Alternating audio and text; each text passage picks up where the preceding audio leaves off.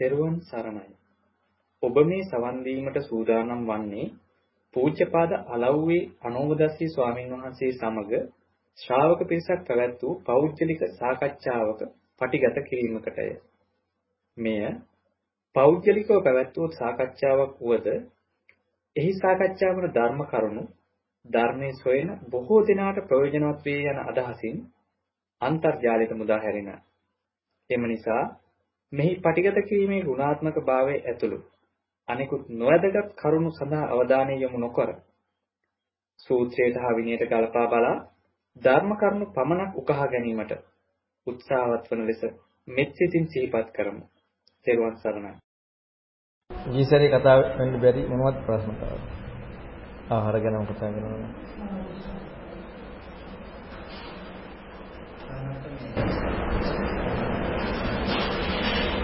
සාකච්ඡාවට මුලින් සාමාන්‍ය අපි සතර ආහාර ගැන කිය සාකච්ඡා ඉවර සාකච්ඡාවේ සෑහෙන දුරකට සාකච්ඡා කරා. එතකොට දැන් මේ සාකච්ඡාව කියන්නේ ඇතිවෙනා යම් කාරණයක් කියන්නේ සතර ආහාරය පිළිබඳ අපිට තියෙන වැරදි අවබෝධ යම් ප්‍රමාණයකට අපි දුරු කරගන්න එක උදාහරණයක් වුණා.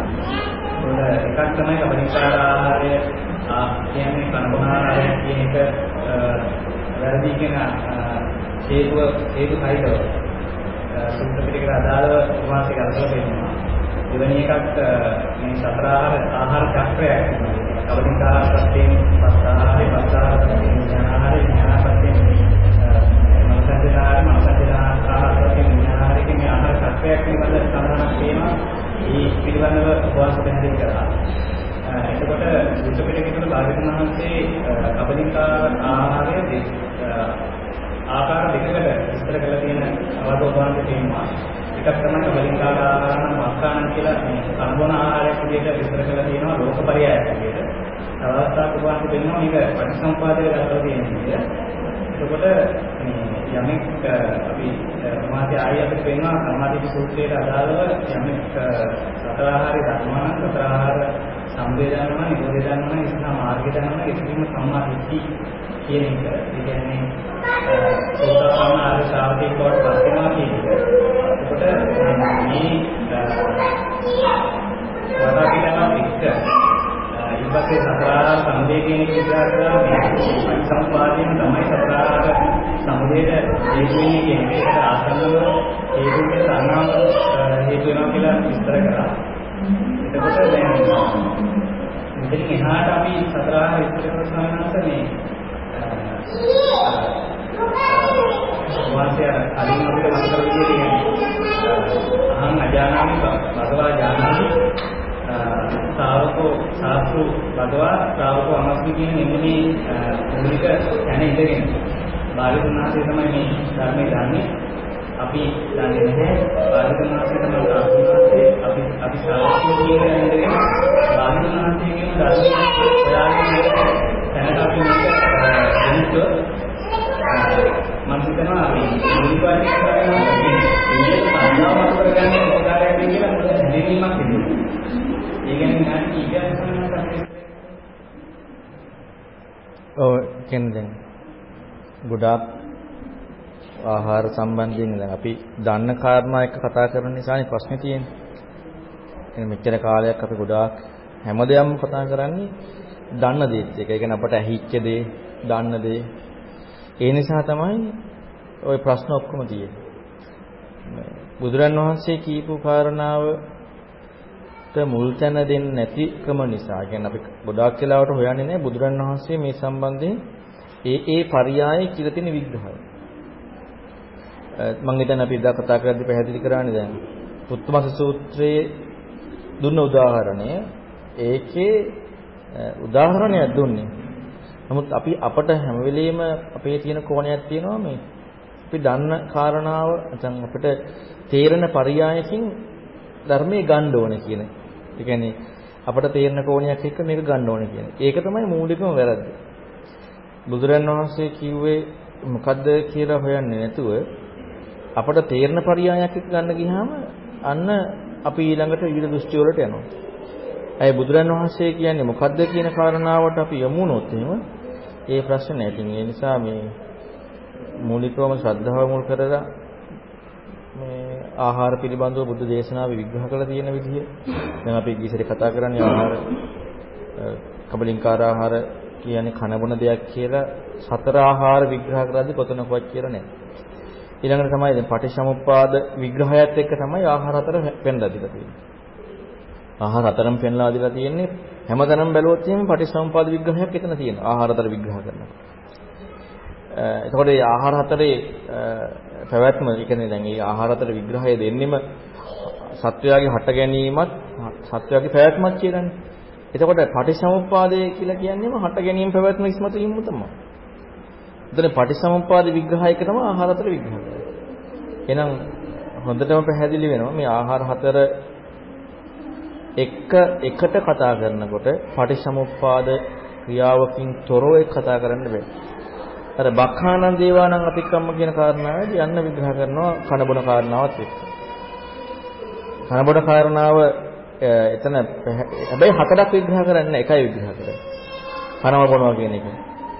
දැන් අර තවත් ප්‍රශ්නේ තමයි අර ගොරෝසු හෝ සියුම් කියන කාරණාවත් එක්කත් අපට තේරෙනවානේ ගොරෝසුයි අපි කන එක සියුම් අනිත් කට්ටිය කන එක දෙවිවරු කන එක.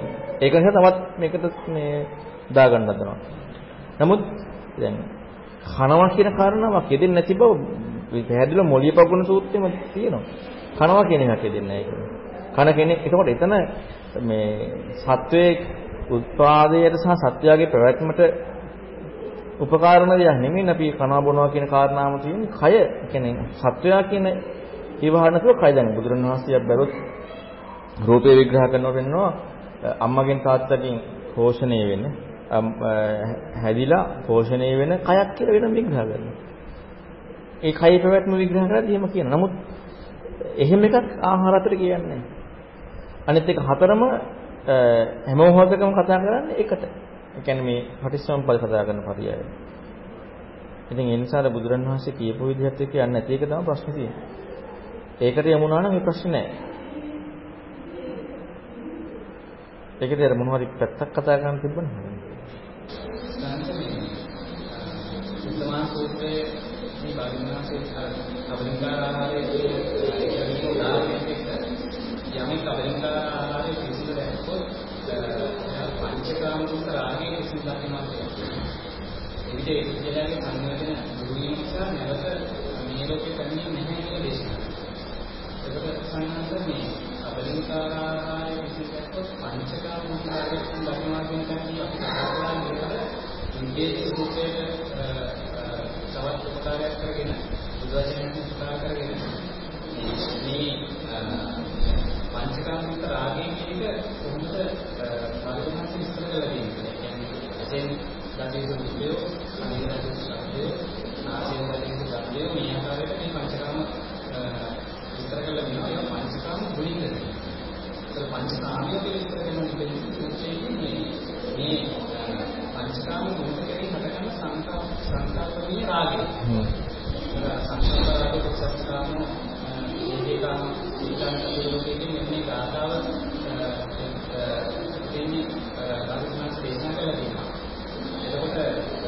එතකොට කාමයන්ගේ නානාත්වයේ විස්තර කරලා තියෙනවා මේ මේ ඇසෙන් දකින්න රූප කනින් අහන ශබ්ද නානාත්වයේ මේ මේ නානාත්වය විස්තර කරලා තියෙනවා. පස්සේ තමයි කාමයන්ගේ නිදානිය දේශනා කරනවා. මෙන්න මේ පරියායයේ කාමයේ කියන්නේ යම් කාම පංචකාමික රාගයේ විසඳ දකිනවා නම් එයා සබලිකාහාර ආහාරයේ විසඳ දකිනවා කියන කලින් ඒක තුලස්සන කාමයේ කියන පැත්තෙන් විස්තර කරලා සබලිකාහාර ආහාරයට යම් උපකාරයක් දෙකකින් සඳහා උපකාරයක් කරනවා. ඔව් එතන කාමය හම්බෙන්න දැන් අපි ගත්තොත් වේදනාව ස්පර්ශයේ වේදනාව හම්බ වෙනවා. වේදනාවත් එක්ක ස්පර්ශ දැන් අපි දැන් අපි පැත්තකින් ඉඳලානේ අපි ස්පර්ශයක් මනින්නේ. ඔන්න ඇහැ, ඔන්න රූපේ, ඔන්න විඤ්ඤාණය. පැත්තකින් මනින්නේ. ඒ පැත්තකින් මැන්නට ඒක විතරකයක් විතරයි. ස්පර්ශය හම්බෙලා නැහැ. එහෙනම් ස්පර්ශය කියන කාරණාවක් හොයන් යනකොට වින්දනයක් වේදනාවක් තමයි හම්බෙන්නේ. ඒකද වේදනාවක් හම්බෙන්නේ නැතුව ස්පර්ශයක් හම්බෙන්නේ නැහැ. එතකොට මනෝ සංචේතනාව කියන කාරණාව යන් යනකොට තණ්හාව හම්බ වෙනවා කියනවා. තණ්හාවක් එක තමයි මනෝ සංකේතනාව. විඥානීය වයන් යද්දි නාම රූප. කබලින්කාර ආහාර හොයන් යද්දි පංචකාමයන් කියනවා. උදාහරණයක් ගත්තොත් මෙහෙම දැන් අපි හිතමු දැන් සංකල්පමීය රාගයනේ කාමය කියන්නේ රාගයක් සංකල්පමීය රාගයක් එක්ක හම්බෙන්නේ. හැබැයි අත්‍තිරාග සූත්‍රයේ තියෙන කාරණා බලන්න ඕනේ පංචකාමයන් කෙරෙහි සංහාව දුරු කරපු තැනදී rahat වෙනවා. දැන් මේකේ තව කාරණාවක් අපිට දැන් ඔයකත් එක්ක හිතන්න පුළුවන්. තව එකක් දැන් මට මේ හිතුනේ මේ කාමයන් පුතඥයන්ට අයින් කරන්න පුළුවන්. කාමයේ පුතඥයන් අයින් කරන්න පුළුවන්. නමුත් කාමයේ පුතඥයන් අයින් කරාට අනාගාමී නෑ.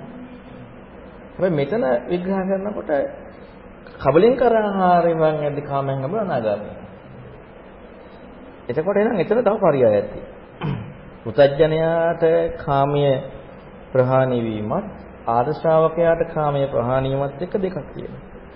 දැන් කබලින්කාර ආහාරය කියන කාරණාව පුතඥයාට ගෝචර එකක් නෙමෙයි. දැන් ආහාර හතරේ සත්‍ය සම්බන්ධයක් තියෙනවා. එතකොට දැන් කුමක් ස්පර්ශ වේදනාව හම්බෙන්නේ නැහැ. ඊළඟට මනෝසංචේතනා විඥාන ওই ක්‍රියාකාරීත්ව හම්බෙන්නේ නැහැ පුතඥන කෙනාට. දැන් කබලින්කාර ආහාරය කියන කාරණාව දැන් ඒ ඒ පැත්තෙන් හිතලා බැලුවොත් එහෙම කාමයන් පුතඥයට දුරු කරන්න පුළුවන් සංකල්පමීය රාගය. නමුත් අනාගාමීන්නේ නේ. නමුත් කබලින්කාර ආහාර වං ඇති කාමයන් හම්බ වෙනවා. එයා නැවත එන්නේ නැහැ. එයා අනාගාමී. එතකොට එහෙනම් අන්න එතනින් පුතඥයට ගෝචර නොවන විදිහේ ආර්ය ශ්‍රාවකයාට ගෝචර වෙන විදිහේ විග්‍රහයක් කබලින්කාර ආහාරය සහ පංචකාමයන් අතර සම්බන්ධය තේරුම් ගන්න පුළුවන්. මොකද පංචකාමයේ අනිත්‍යනට හම්බෙන්නේ කියන්නේ මේ දැන් සේක නොවිච්ච කෙනාට හම්බෙනවනේ පංචකාම. එයාත් පංචකාමයෙන් ප්‍රහාණය කරනවා. හැබැයි යාට කියන්නේ නේ ආහාර පිළිසින් දකින්නවා කියන්නේ. කවලින්කාර ආහාර පිළිසින් දකින්නවා කියලා කතාව කතා කරන්නේ නෑ. හැබැයි දැන් මේකේ තව ලස්සන ගැළපීමක් හම්බ වෙනවා අර අර කාරණාවට යන්නේ දැන් ඕක කිව්වට පස්සේ කබලින්කාර ආහාර බක්කානන් දේවානං අතික්කම්ම කියන බ්‍රහ්ම ලෝකේ නේ.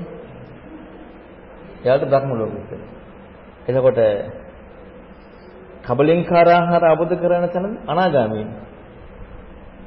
ඒ කියන්නේ පිරිසිදු හොයන්නේ දැන් රහත් දැන් අර අර සූත්‍රය අමතක කරලා බැලුවා. ඒ කියන්නේ එතන ඡන්දේ ප්‍රහාණය කරාම රහත් වෙනවා. නමුත් පිරිසිදු හොයනකොට අනාගාමී. එතකොට එහෙනම් තවත් අර කාරණාවට යන්න පහසුක් මොකක්ද තියෙනවා මේ මේ කන බොන කියන කාරණාවට යන්න. ඇයිද මේ දෙකත් ගැළපීමක් වගේ තියෙනවා. ඇයි මෙතනත් කබලින්කාර ආහාරය. හැබැයි එතන එකක් වෙනවා ඉක්මවනවා කියන්නේ නැහැ. ප්‍රහාණය කරනවා කියන්නේ නැහැ. කබලින්කාර ආහාරය ඡන්දය දුරු වෙන්නේත් නැහැ. ප්‍රහාණයෙන්නෙත් නැහැ. නමුත් පොඩි සමානකමකට යන්න ඉඩ තියෙනවා. මේ මෙතනත් අනාගාමී කියනවා. එහෙනම් අතනත් බ්‍රහ්ම ලෝක යනවා කියනවා. හැබැයි එතනත් විග්‍රහ කරන තැන තියෙන්නේ ගොඩක් අය සුද්ධාවාස පිළිබඳව. කබලින්කාරහර බක්ඛාන අතික්කම්ම කියන විග්‍රහය තියෙන සුද්ධාවාස පිළිබඳව ගොඩක් නිරෝධ සූත්‍රය තියෙනවා. එතකොට තවත් ගැලපෙනවා. මොකද මෙතන මේ කබලින්කාර හැබැයි එමට පැත්තකින් වෙන පැත්තකින් හිතුවම තියෙනවා සුද්ධාවාසය විතර නෙමෙයිනේ බ්‍රහ්මිය. දැන් පීටිබක්ක භවිස්සාම කියලා මේ ආබස් දිව්‍ය ලෝකෙටම කියන ආබස් දිව්‍ය ලෝකෙ සුද්ධාවාසයක් නෙමෙයි.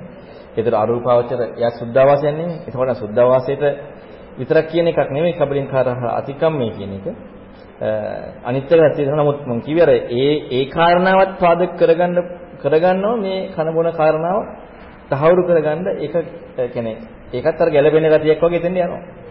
හැබැයි නෝ බුදුරණවහන්සේ දේශනාව හරියට බලනකොට එහෙම එකක් ප්‍රහාණීමක් හම්බෙන්නේ නැහැ. අනිත් එක පිරිසිදු හොයන වැඩපිළිවෙලේදී පිරිසිදු හම්බුණා මිස. දැන් අපි හිතමු පුතජන කාම ප්‍රහාණය කරපු කෙනෙකුට සංකල්පමීය රාගේ නැහැ.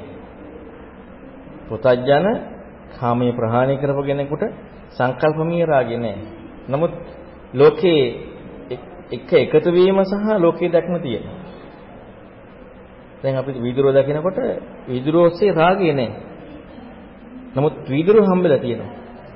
හැබැයි කාම රාගය නැහැ. ආර්ය ශ්‍රාවකයා දකිනකොට වීදුරුව දිහා එයාලා සංකල්පමීය රාගය නැහැ. හැබැයි සංකල්පමීය රාගය නැත්තේ තියෙන වීදුරුවක් ඔස්සේ නෙමෙයි. තියෙන වීදුරුවේ රාගය දුරු කිරීම නෙමෙයි යාගේ තියෙන්නේ. ආරසාවක. නමුත් පුතඥයාගේ තියෙන තියෙන වීදුරුවේ තියෙන රාගය දුරු කිරීම. අරයන්ගේ තියෙන දර්ශනයත් එක්ක. එතකොට අන්නේ දර්ශනයත් එක්ක හොයන තැනදී එයාට ඒ කබලින්කාර ආහාරය කියන කාරණාව හම්බෙලා තියෙනවා. හැබැයි ඒක විතර පංචකාමයන් කියන එක හම්බ වෙනවා. දැන් චන්දරාගය දුරු කරපු තැනදී දැන් අර කාමගුණ සූත්‍රය ගත්තොත් එහෙම කාම ගුණයත් එක්ක නරහත් දැන් අපි ඕක ඕක කතා කරන්න යන්නේ ගොඩක් එකක් කාම ගුණයත් ඉක්මනව අරහත් වෙනවා. ඕක කතා වෙන්නේ නැහැ වගේම තමයි කබලින්කාර ආහාරයේ රාගය දුරු වුණාම රහත් වෙනව කතා වෙන්නේ නැහැ. දැන් කබලින්කාර ආහාරයේ රාගය දුරු වුණාම රහත් වෙනවනේ පිරිනෙන්නේ. නමුත් ඕක කතා වෙන්නේ නැහැ අර විතරක් කතා වෙන්නේ. එතකොට එහෙනම් අර කාම ගුණ දැන් ඒ නිසා තමයි ලෝකයේ ඇතරම කාම ගුණ තියෙනවා කියන්නේ දැන් අපි තියෙන තියෙන දෙයක් නේ කාම ගුණය අපි කතා කරන්නේ ලෝකේ තියෙන දෙයකටනේ රාගය ඇති කරගන්නේ. එතකොට ඒක ඒ දුරු වෙන ක්‍රමයේ තියෙන පුතඥයට. තියෙන දෙයට රාගය දුරු වෙන ක්‍රමයේ පුතඥයට ඇති වෙනවා. ආර්ය ශ්‍රාවකයාට තියෙන දෙයට රාගය දුරු වීම නෙමෙයි හම්බ වෙන්නේ. හට ගන්න දෙයට රාගය ඇති කිරීම වෙර. ඔන්න ඔතන පරියා දෙකක් තියෙනවා. සංස ඒ කාරණේම අපි මේ විදිහට කරනවා කියන්නේ පුතඥයාට රාගය හට ගැනීම හේතු දුරු වෙලා නැහැ සංයෝජනේ හට ගැනීම තියෙනවා. අවස්ථාවලට සංයෝජනේ හට ගන්නවා. හැබැයි ආරසාව කියන හේතුව දුරු හේතුව කියන්නේ හේතුව දුරු කියන්නේ සංයෝජනය නැවත හට ගැනීම හේතුව දුරු වෙලා තියෙනවා. ඒ විදිහට ඔව්. ඒකට අනුසේ කියන්නේ හටගන්න තියෙන අවකාශය දුර වෙලා එතරම් දැන් හටගන්නේ දැන් අපි හිතමු මෙහෙම සංයෝජන හැටි වෙන අපි මොකද දැන්? රාගී සංයෝජනයේ සහ කාමරාගී සංයෝජනයේ සහ රූප රාග අරූප රාග ඊළඟට මාන උද්දච්ච අවිජ්ජ. අපි මෙතනින් අපි රූප රාග අරූප රාගත් අපි දැන් කතා කරන්නේ ධ්‍යානත් එක්ක. මානෙ මැනීම තියෙනවනේ. එතකොට අපි බැලුවොත් දැන් වීදුරුව දකිනකොට වීදුරුව මැන්න. වීදුරුව කියන මැනීම හම්බුණා. හම්බෙච්ච වීදුරුවේ මැනීම මැනපු වීදුරුවේ රාගිකව ඇති කරගන්නේ නැහැ පුදජනය හම්බෙච්ච වීදුරුවේ. හැබැයි සීක කෙනාට වීදුරුව හම්බෙන්නේ කොහොමද කියලා හම්බෙන්නේ. වීදුරුව ගොඩ නැගෙන්නේ කොහොමද කියලා හම්බෙන්නේ. හැබැයි එයාට වීදුරුව ගොඩ නැගෙනවා. එයා කර පුරුදු කිරීම එක ගොඩ නැගෙන වීදුරුවට රාගය ඇති වෙන්නේ දැන් අද කතා කරේ පංචපාස්කන්ධය අපි හිතමු විදුරු ගොඩ නැගෙන පංචපාස්කන්ධ සකස් වෙන්නේ. පංචපාස්කන්ධය සකස් වෙනවා. පංචපාස්කන්ධයේ තියෙන ක්‍රියාකාරීත්වය වෙන ගුලියක් වගේ දීප බුලක් වගේ මිරිගුවක් වගේ කිසිල රටාවක් වගේ මායාවක්. පංචපාස්කන්ධය කියලා කියන්නේ. ඒතකොට ඔය ක්‍රියාව හම්බෙන ඔය ඔය ස්වභාවයේ සකස් වෙන දේ හම්බෙනකොට ඒ ප්‍රතිපදාව තුළදී තියෙන්නේ සංකල්ප කියන්නේ සංකල්පෙට ඉඩ නැහැ. අර කාම රාගෙන් නැත්තේ. කාම රාගෙට ඉඩ නැහැ. හැබැයි සම්පූර්ණයෙන් මේකේ ඡන්දය දුර වෙලා නැහැ. ඡන්දය දුර වුණා නම් ඒ කාරණා පොව හටගන්නේ නැහැ. හැබැයි හටගත්ත කාරණාවේ තියෙන අසාර භව දකින නිසා නැත්තම් පෙනගුලියක් දීබුලක් මිලිගුවක් වගේ මේ ස්වභාවය දකින නිසා ඒ දැක්ම නිසා සංකල්පමීය රාගෙට තියෙන ඉඩ නැති වෙලා යනවා. ඊට පස්සේ දැන් කබලින්කාර ආහාර ඡන්දය දුරුනම රහත් වෙනවා කියලා විග්‍රහ කරනවා. නමුත් බුදුරණන් වහන්සේ ස්පර්ශය හොයනකොට වේදනාව හම්බ වෙනවා කියලා කියන්නේ. එතකොට මේ එතනින් පස්සේ හටගන්න කාරණාවේදී මේ කාමයන් කතා කරන කාරණා නැත්නම් මේ කබලින්කාර ආහාරයේ ස්වභාවය කතා කරන දෙයට එහා ගියපු ස්පර්ශය සහ මනෝ සංචේතනා විඥානීය කියන කාරණාව ඒක ප්‍රකට වැඩි. දැන් කායන පස්සනාව වෘදු කරන් යනකොට කායන පස්සනාවෙන් යම් ගොරෝසු මට්ටමකින් කයක් ඇතයි කියලා ගත්ත එක අයින් වෙනවනේ. හැබැයි අයින් වල කය නැති වෙලා නැහෙනේ. කයක් මොකද කයක් කියන කාරණාව නිරුද්ධ වෙලා නැහැ. නමුත් කායන පස්සනාව ඒ සබයි හම්බෙන. හැබැයි ඊට පස්සේ කායන පස්සනාව ප්‍රකට කර ගැනීමට වඩා වේදන පස්සනාව ඊළඟට චිත්තන පස්සනාව ධම්මන පස්සනාව කියන පැතිවලට යන සම්භාවිතය වැඩි. මොකද ඒක තමයි හම්බෙන කාරණා. කියන්නේ දැන් සූක්ෂම කාරණාව ඒක. අන්න ඒ වගේ කබලින්කාර ආහාරය තුලින්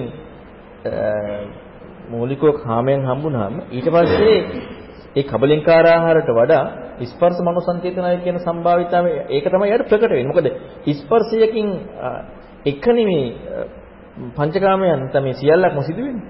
ස්පර්ශයත් එක්ක. ඒත් ඒ ස්පර්ශයත් එක්ක හටගත්ත දේ තුල වැරද්දකට යොමු වෙච්ච නිසා තමයි සංකල්පයකින් රාගෙට බැඳලා ගියේ.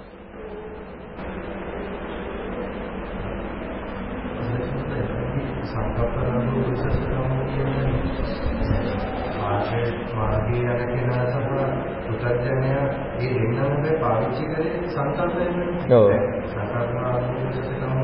දෙන්නම පාවිච්චි කරේ මේ හට ගැනීම හේතුව සංකල්පයකින් ඔව්. ඔව්. හැබැයි ඒකට දෙන්න යන්නේ පාරවල්. දෙකක්. ඒක පොඩ්ඩක් ප්‍රශ්න දෙන්න හරියට සංකල්පයක් කරගෙන අරක දුරට. හැබැයි අනේ බුදුරජාණන් දේශනා කරපු මාර්ගය ය සංකල්පය තමයි මේක දුරු කළා. හැබැයි යා මෙන්න පැත්තකින් පොඩ්ඩක් කියන්නේ මේ පුතඥ කෙනාගේ බැලුවොත් අපට ක්‍රම කිහිපයක් බලන්න පුළුවන්. එකක් තමයි තියෙන වීදුරුව පිළිබඳව අපි හොඳ බව හිතන්නේ දැන් අපි මේක මට හොඳයි වතුර බොන්න හොඳයි කියලා අපි දැන් හොඳ බව හිතන්නේ මම හිතන දෙයක් ඔස්සේ. තියෙන වීදුරුවට ඇති වීදුරුවට මම රාගයෙන් ඇලිලා යෑම අනවශ්‍ය දෙයක්. ඔන්න ඒ චින්තනයේට කෙනෙක් කොහොම හිතන්න පුළුවන්. තව කෙනෙකුට ඕනම් මේක බෙදලා බලලා හිතන්න පුළුවන්. මේක ඔන්න කැඩෙන බිඳෙන දෙයක්. ඔන්න ඒ විදිහට රාගය දුරු කරගන්න පුළුවන්. තව කෙනෙකුට මේක අනුන්ගේ අපේ ගෙදර නෙමෙයි වෙන කෙනෙක්ගේ කියලා හිතලා දුරු කරගන්න පුළුවන්. ඊළඟට ওই විදිහට ඇහැට පේන ඔක්කොම මුල් කරගෙන. කනට ඇහෙන ඔක්කොම මුල් කරගෙන. නාසයට දැනෙන ඔක්කොම මුල් කරගෙන සියලු දේවල්. මොකද එකක් ගැන කල්පනා කරනකොට යා ඒ ඒ ඒකත් එක්ක හිත වෙන පැත්තකට යොමු වෙනවනේ. අපි හිතමු මේක අපි උදාහරණ හොඳ මේක අපි කැඩෙන බිඳෙන දෙයක් එක්ක මේක කොටස් කරලා බලලා එහෙම කරගෙන යනකොට ඔන්න ටික ටික ටික ටික අර රාගයෙන් මේ කෝපය කියන එකට ඇලෙන ස්වභාවය දුර වෙනවා. ඒක කෙනෙක් තියෙන එකට රාගය ඇති කර ගැනීම වැරදි කියලා සංකල්පනා ඇති කරගන්න පුළුවන්. තව එක්කෙනෙක් මෙතන හිම දෙයක් නැහැ කියලා හිතලා තව සංකල්පනාවක් ඇති කරගන්න පුළුවන්.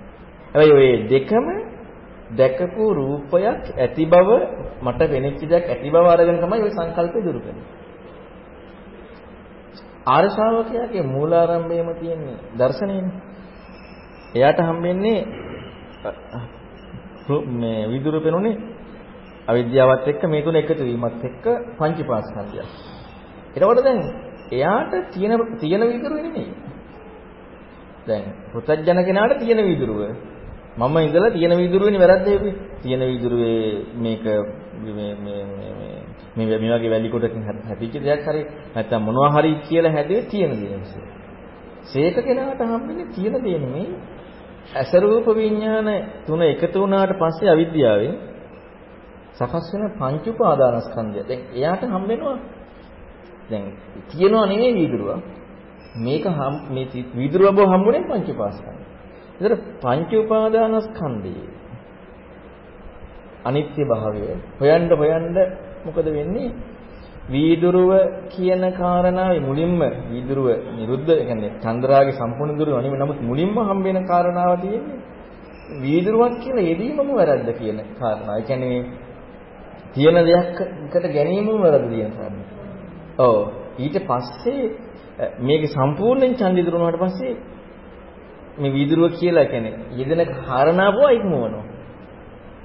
හැබැයි එතකොට දැන් අර පුතඥය තියෙන දෙයක් මුල් කරගෙන සේක කෙනාට හටගත්ත දේ මුල් කරගෙන. දැන් අපිට මෙතන පුතඥයට මමත් එක්ක තියෙනවා.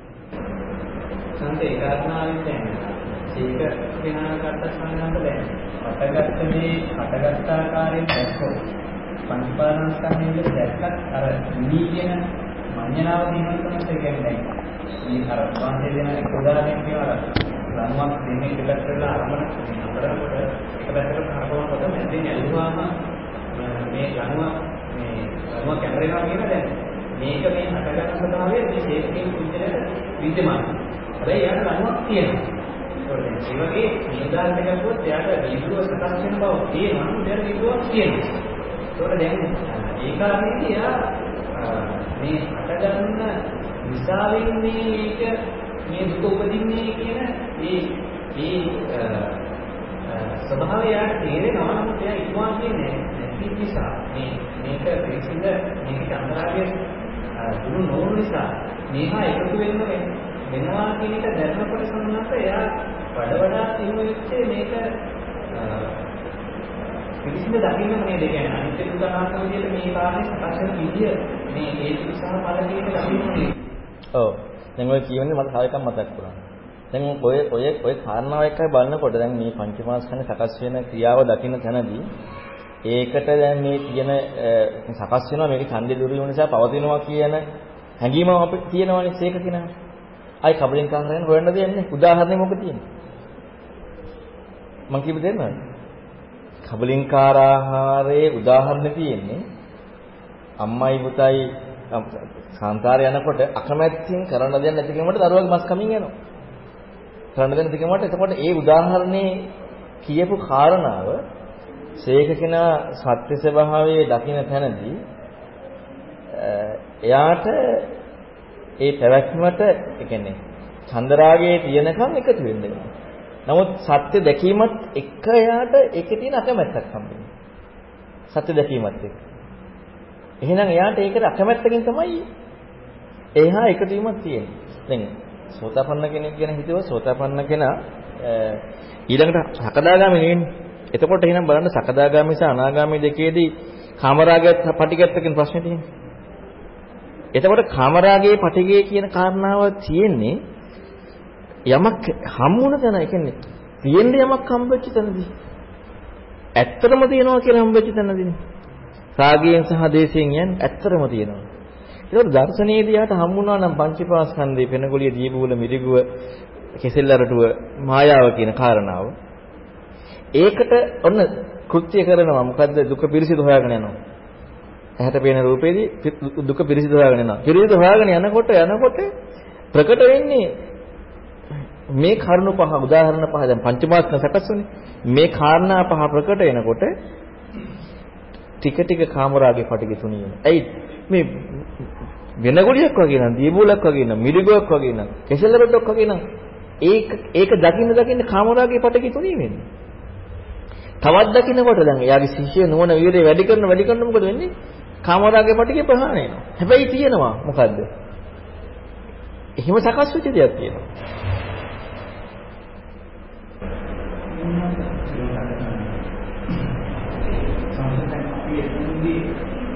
ආහාර සම්පූර්ණ අපිට රූපයක් කියන එකක් ප්‍රකට වන්නේ ඇත්තම වේදනා සංඥා චේතනා පස්සමස්කෝර අපි අත්‍යවම ඒක වචන කරන බැලුවොත් එහෙම රූපේ කියන අපිට ප්‍රකට වන්නේ පොදු කාරණා. එනේ. වේදනා සංඥා චේතනා පස්සමස්කෝර අන්න එතකොට අර බාහිරයේ තියෙන රූපය අපේ තියෙන අපේ ගෝචර වෙන එක අලහා හතරක රූපයක් තමයි ඒ ප්‍රවණ. අපිට බාහිරයේ නෑ කියන්නේ නෑ. නමුත් ඒ බාහිරයේ තියෙන රූපයක් අලහා හතරගන්න වේදනාවක් සංඥාවක් චේතනාවක් හස්ත අනුස්ඥාන කියන අලහා තමයි සම්මතයේ ඒකේ හතරගන්නේ. ඒක මේකට ගන්න පුළුවන් නේද? දැන් ඒක මේක නාම රූපයකට යනවා. ඒ රූපේ නාම රූපයක් හඳුනනවා නාම ධර්ම. ඔව් නෑ ඒකදී ඇත්තම දැන් අපි හිතමු බාහිර බාහිර රූපය කියන කාරණාව අපට කිසි විදිහකින් නාමයේ නැතුව කතා කරන්න බෑ ඒ කාරණාව නැත්නම් මොකද බාහිර කාරණාව නාමයත් එක්කමයි තියෙන්නේ.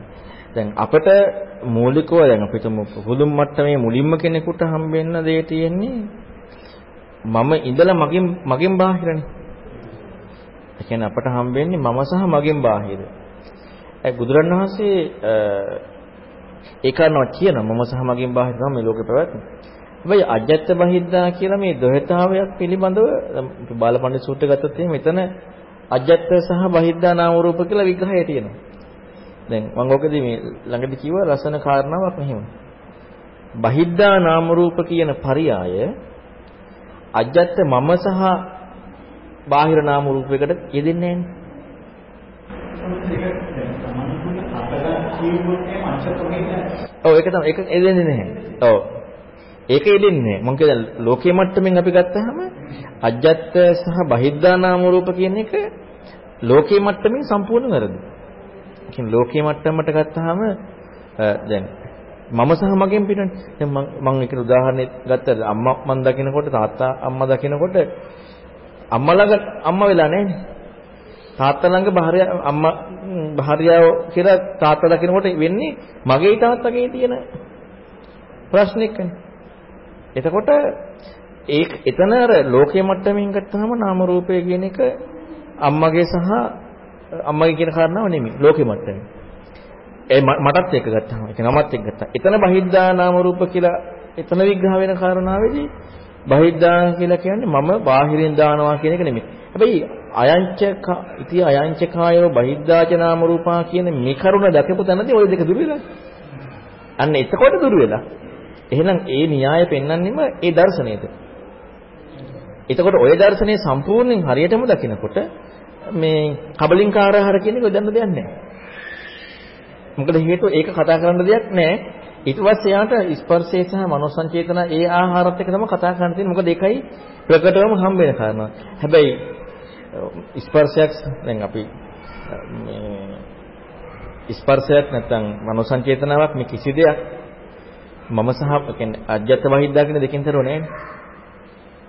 ස්පර්ශයක් මනෝ සංචේතනාවක් විඥානයක් කියන එකට ඇහැ රූප විඥාන කන ශබ්ද විඥාන එකතු වීමකින් තොරව නෑනේ. එහෙනම් කිසි විදියකින් කියන්න බෑ අනාගාම වුණා කියලා එක ආහාරයක් අයින් වුණා කියලා. අනාගාම වුණාට එක ආහාරයක් අයින් වුණා කියන්න බෑ. හැබැයි එක ආහාරයක් හම්බෙන්නේ නැහැ. අයින් වෙලා නැහැ. ඡන්දේ දුරලා නැහැ. කබලින්කාර ආහාරය හම්බ වෙන්නේ නැහැ. මොකද ඒක නෙමෙයි ප්‍රකට තියෙන්නේ. දැන් අපි හිතමු සම්පූර්ණයෙන්ම දකිනවා නම් බොරුවක් බවම මේ සකස් වීම සකස් වෙන දෙයට නිර්වචනයක් දෙන්න බෑනේ.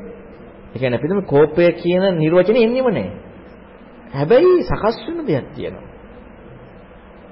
සකස් වීමක් තියෙනවා. හැබැයි සකස් වීම සකස් වීමක් හම්බුනේ මේ ඇස රූප කන ශබ්ද නැතුව නෙමෙයි. සකස් වීම හම්බුනේ ඇස රූප කන ශබ්ද නැතුව නෙමෙයි. සකස් වීමක් තියෙනවා. එහෙනම් මේ සකස් වීම හම්බ වෙන නිසා හැබැයි සකස් වෙන කාරණාවේදී ගොරෝසු මට්ටමකින් ප්‍රඥප්තියක් හම්බ නොවන නිසා අනාගාමී වුණාට පස්සේ අර ලෝකෙ මට්ටමකදී ගන්න බැරි වෙනවා. අරූප රූප සමාධි ගත්තත් එතනත් අපට රූපාචර සමාධියේදී අපි හිතන එකක් නේ රූපයක් කියලා. රූපාචර සමාධිය තුළ රූපයක් අපට ගන්න බෑනේ. රූපාවචර සමාධිය නමුත් රූපාවචර ස්වභාවයක් හම්බ වෙනවා. එතනත් අපට මේ ලෝකෙදී හම්බෙන්නේ සංඥාවක් එක්කනේ අපට හැම එකම හම්බෙන්නේ. එතකොට ඒ හම්බ වෙන පංචපාදනස්කන්ධය තුළදී ප්‍රකට වෙන්නේ අපට ස්පර්ශය කියන කාරණාවත්, මනෝ සංචේතන කියන කාරණාවත්, විඥානය කියන කාරණාවත් මේක සම්පූර්ණයෙන් දුරුනන අන නාම රූප විඥාන ක්‍රියාකාරීත්වයේ ඉක්මෙව අන්න විඥානාහාරය පිරිසිදම් වුණ ස්පර්ශයත් ඉක්මෙව එහෙනම් එතකොට හතරෙම චන්දරාගය දුර වෙනවා. කබලින්කාර ආහාරය දුර වෙලා, ස්පර්ශය දුර වෙලා, මනෝ සංචනාය දුර වෙලා, විඥානය දුර වෙලා. කබලින්කාර ආහාරයේ චන්දරාගය දුර වෙන තැනදී අනික්වත් කතා කරන්න දෙයක් නැහැ. ස්පර්ශ චන්දරාගය දුර වෙච්ච තැනදී කතා කරන්න දෙයක් නැහැ. හැබැයි කබලින්කාර ආහාරය හම්බ වෙන්නේ අපට. කබලින්කාර හොයාගන්න පුළුවන් ඉන්නේ අපට. පංචකාමයේ විතරයි. නැත්නම් කබලින්කාර හොයාගන්න බෑ. කබලින්කාර ප්‍රකට නැහැ. හැබැයි කබලින්කාරයේ චන්දරාගේ දුර වෙලා නෙමෙයි. කබලින්කාර නිරුද්ධ වෙලා නෙමෙයි. නිරුද්ධ වුණා නම් ස්පර්ශ මන සංචේතන විඤ්ඤාණාර කතා කරන්නත් බෑ. ඒ ඔක්කොම ඉක්ම වෙනවා. එතකොට තමයි නාම රූප විඤ්ඤාණ ක්‍රියාකාරීත්වය සම්පූර්ණ ඉක්ම. අන්න එකයි අර සේක අනාගාමී වෙනාට විමී මඤ්ඤණාව තියෙනවා. විමී විමී විමී කියන්නේ යමක් යමක් මොකක් හරි හම්බෙලා. ඒ කියන්නේ සකස් වුණානේ. සකස් වෙච්ච සකස් වෙච්ච පංචීපාස්කන්ධේ පෙනගුලියක් වගේ සංඥාව. වේදනාව මිලි මේ දියබ්බුලක් වගේ සංඥාව මිලිගුවක් වගේ. එහෙම හම්බ වෙනවා. ඒ ඒ මැනීම තියෙනවනේ. ඒ මැනීම තියෙනවා හැබැයි මේක කෝප්පෙ නෙමෙයි. කෝප්පෙ මැනීම ඉක්මලා. මේ සද්දය අඩුම මේ සද්දයක් මේක මෙහෙම සද්දයක් කියන කාරණාවත් එහෙම එකක්වත් හම්බෙන්නේ නැහැ. රූප වේදනා සංඥා සංකාර අන්න ඒ හික්මීමට යොමු වෙන එක තමයි. දිත්තේ දිත්ත මත්තං සුතේ සුත මත්තං මුතේ මුත මත්තං විඤ්ඤාත විඤ්ඤාත මත්තං වලට යොමු වෙන්න මොකද ඒ යොමු වීමේදී අර ලෝකේ පණව ගන්න පුළුවන් දෙයක් වෙනවා. හැබැයි පංචපාස්කන්ධයක ක්‍රියාකාරීත්වය සකස් වීමක් කියන එක හම්බ වෙනවා. ඒකත් සම්පූර්ණ දුරු වෙන තැනදී චන්දරාගය දුරු වුණාම චන්දරාගයනොයි හතර හටගන්නෙත් චන්දරාගයමයි ආහාර හතරට කරන්නේ. එහෙනම් ඔක්කොම ටික දුරු වුණාම අර සියලු කතා කරන්න පුළුවන් සියලු ප්‍රඥාප්ති ටික ඉවරයි. එතකොට නාම රූප විඥාන ක්‍රියාකාරී සම්පූර්ණයෙන් ඒ ගැටේ අයින් වෙලා යනවා. අජ්ජත් සහ බහිද්දා කියන මේ කරුණු සියල්ලක්ම අරහත්ත්වයට එක්ක එතන තමයි අර ගොරෝසු කබලින්කාර ආහාරය කියන කාරණාවත් යෙදෙන්නේ නැත්තේ. ඒ කාරණේදී නීතිය කල්පනා පුරමින් තමයි. ඒ කියන්නේ කබලින්කාර ආහාරයේ පිළිසිඳ දක්න කෙනෙකුට පංචකාමික රාගය පිළිසිඳ දකිනවා. ඒකට දැන් එහෙම කෙනෙක් නැවත මේ ලෝකෙට එන්නේ නැහැ කියලා සංවේදී ලෝකේ ඉඳලා. ඒක තමයි කරන්නේ. කබලින්කාර විතර කිරීමේ විතර කරන්නේ පංචකාමික රාගයකම ඇසකන දිවනාසේ ශරීරයෙන් පහට දාලා. ඒක මනස කතා කරන්නේ නැහැ. ආයතනය. ඊළඟට ඊළඟ ආකාශනංශ අනිත්‍යකාමික රාගයේ විශ්ව දකින්නවා කියන්නේ ඒකට එයා ඇහින් දකින රූප කනින් ශබ්ද නාසය ඊපස්සේ දිවට රස කයට ස්පර්ශ කියන මෙන්න මේ කාරණාවලදී එයා ඒක විශ්ව දකිනවා කියන්නේ. ඒක මනසට දාලා ධර්මයන් එයා ඒ කියන්නේ මනසට දාලා මේ ධර්මයන් වෙනකොට එයා ඒ කාරණේ විශ්ව දකින්න නැහැ කියන අර්ථය තමයි එතන ගාම වෙනවා ඒ පැත්තට. ඒකට සම්බන්ධව දැන් ඒ ඉඳලම නැවත මේ ලෝකේ නැහැ කියන කොටස මේ කබලින්කාර ආහාර විතර කරනකොට ඕලාරිකව කොහොමද කරන්නේ ඒක ප්‍රාණෝත්සාහ සියුම් කියලා. ඒක ඇහැට රූප රස ශබ්ද නාසයට ගන්න විවිධ රස කාය ස්පර්ශ කියන මට්ටමින් ගත්තොත් මේ රළු මට්ටමේ හම්බෙන කාමයක්. ඒක සුදුමයි කියන මට්ටමින් ගත්තොත් එහෙනම් ඒක අපිට අත්දැකගන්න පුළුවන් සමහරවිට මනස හම්බෙන මට්ටමේ කාමයක් තියෙනවා. ඒකට මෙයාට රළු මට්ටමේ කාමයක් නෑ ඉක්මවයි. ඒකට මෙයා කාමරකට ඉක්මවනවා. හැබැයි එයාට මානසිකව මනසට මන ආයතන සම්පන්න කාමයේ ඉක්මවන්නේ නැහැ. ඒ මට්ටමේ යාට ඉතුරුයි. සුකුම මට්ටම. එතකොට එයා ඒ නිසා කියන්නේ එයා අන්න රූපරාග අරූපරාග මානසික කැවිද රූපරාග කියනවා. එතකොට එයාට ඇහැට කන්න ආසෙක විදිහට කය ගන්න වෙන සමුමට්ටමේ කාම නෙවෙයි ඒක මනසට මොකද රූපෙට එයාට ඉතුරුයි. රූපරාගය ඉතුරුයි. අරූපරාගය ඉතුරුයි. රූපේ කාමක රූපේ. ඒකෝ මේ මට්ටමේ අපිට බෙදා ගන්න පුළුවන් නම් ඒක ගැළපෙනවද මේ බෙදුවසම නොගැලපෙන්නේ නැහැ. නමුත් අර බුදුරණවහන්සේ ඍජුව කිව්වේ නැති නිසා මේ පොඩ ඒකට එක වාට කියන්න හොඳ නැහැ. නෑ මමත් මම ඒ කියන්නේ නොගැලපෙන්නේ නැහැ කියපු කාරණාව ගැලපෙනවා. මොකද මමත් කොහොම කල්පනා කරලා තියෙනවා. නමුත් අර බුදුරණවහන්සේ කෙලිම මේකයි මේකයි කිව්ව නිසා අර ඕකට අපි තනක් දීගෙන යන්න ගියොත් එහෙම මේ ප්‍රශ්න ගොඩාක් එනවා. මේ නැත්තම් මොකද දැන් ඇත්තටම පිරිසිදු මනෝවිඤ්ඤාණය කතා කරනවානේ. පිරිසිදු මනෝවිඤ්ඤාණයේදී අරූපයමයි කතා කරන්නේ. ඒතර පිරිසිදු මනෝවිඤ්ඤාණීය කාරණාවෙදිත් පැවැත්මක්නේ කතා වෙන්නේ. එතකොට එහෙනම් ගොරෝසු සහ සියුම් කියන මට්ටම් දෙක ඒ විදිහට කතා කරන්න පුළුවන්. අපි කල්පනා කරන ක්‍රමයක් එක්ක. නම් බුදුරණවහන්සේ ගොරෝසු එක මේකයි සියුම් එක මේකයි කියලා දුන්නේ නැහැ. මොකද ඇත්තටම අපිට යෝනිසමනසිකාරයන්නේ දැන් ওই කරුණු කල්පනා කිරීමත් එක්ක. ඉතින් බුදුරණවහන්සේ අවශ්‍ය දෙය දීලා. කියන්නේ බුදුරණවහන්සේගේ ධර්මයේ අවශ්‍ය දෙය හම්බෙලා තියෙනවා. දැන් අපිට කෙලින්ම හරි මෙහෙම කිව්වනම් ගොරෝසු ආහාරය කියලා කියන්නේ මෙන්න මේ ඇස කන නාසය දිවකය මනස. සියුම් ආහාරය කියන්නේ මේ අපිට අර ලිස්ට් එක ඉගෙන ගන්න එක විතරයි. ඒ කියන්නේ අපිට කිසි ප්‍රශ්නයක් නැහැ. නමුත් අපේ කල්පනාවේදී යෝනිසමනසිකාරයේ යන්න ලස්සන ගැළපීමක් එක්ක එනවා. දැන් දැන් අපිට ඒක පොඩ්ඩක් තේරෙනවා. නමුත් දැන් අපි හැම එකක්ම ගත්ත ගියාම අපිට පෙන්නම සමහර කන අපිට පටිසම්පාදේ. එතනින් එහා අපිට විග්‍රහයක් දෙන්න බෑ. ඕක අපිට පොඩ්ඩක් තේරෙනවා. එතන පොඩි විග්‍රහයක් දීගන්න පුළුවන්. නමුත් අර කරුණවලදී එහෙම විග්‍රහයක් දෙන්න බෑනේ. අවිජ්ජාපත්‍ය සංඛාර. බුදුරණවහන්සේ දුන්න වචන වලින් එහා කිසි විග්‍රහයක් දෙන්න බෑ. එතකොට දැන් අපි හිතමු ඔය විග්‍රහය අපිට දැන් ඒ අපට තේරිච්ච විග්‍රහය අපි සම්පූර්ණයෙන් ඒ විග්‍රහය දෙනවා නම් අපි දෙන කෙනාට යෝනිසමනසිකාරයට ටික දීලා නැහැ. ඒ කියන්නේ අපි කියන කෙනාට යෝනිසමනසිකාරය ටිකක් දීලා නැහැ. එතකොට බුදුරන් අර සම්මාදිටියට අවශ්‍ය දේ හම්බෙලා නැහැ. ඒ අර මේ කාරණා අපට දෙන්න පුළුවන් නිසා ගැළපෙනවා. නමුත් ඇත්තටම යෝනිසමනසිකාරය සම්පූර්ණයෙන් කියන්නේ නොදෙන්න බැරි කරුණු ඕන තරම් තියෙනවා. දැන් ওই කාරණාවත් අපි අරහෙම දෙන්න ගියාම මේ යෝනිසමනසිකාරයට පොඩ්ඩක් මගේ හැරෙනවා මොකද බුදුරණවහන්සේත් නොකියව දෙයන්නේ. දැන් අපි හිතමු අර චෛතසික ලිස්ට් එක චිත්ත වීදි ලිස්ට් එක කලාප සුද්දාස් අපි ওই ටික ඉගෙන ගත්තට පස්සේ අපිට දැන් ලේබල් කර කර ඉන්නනේ තියෙන්නේ.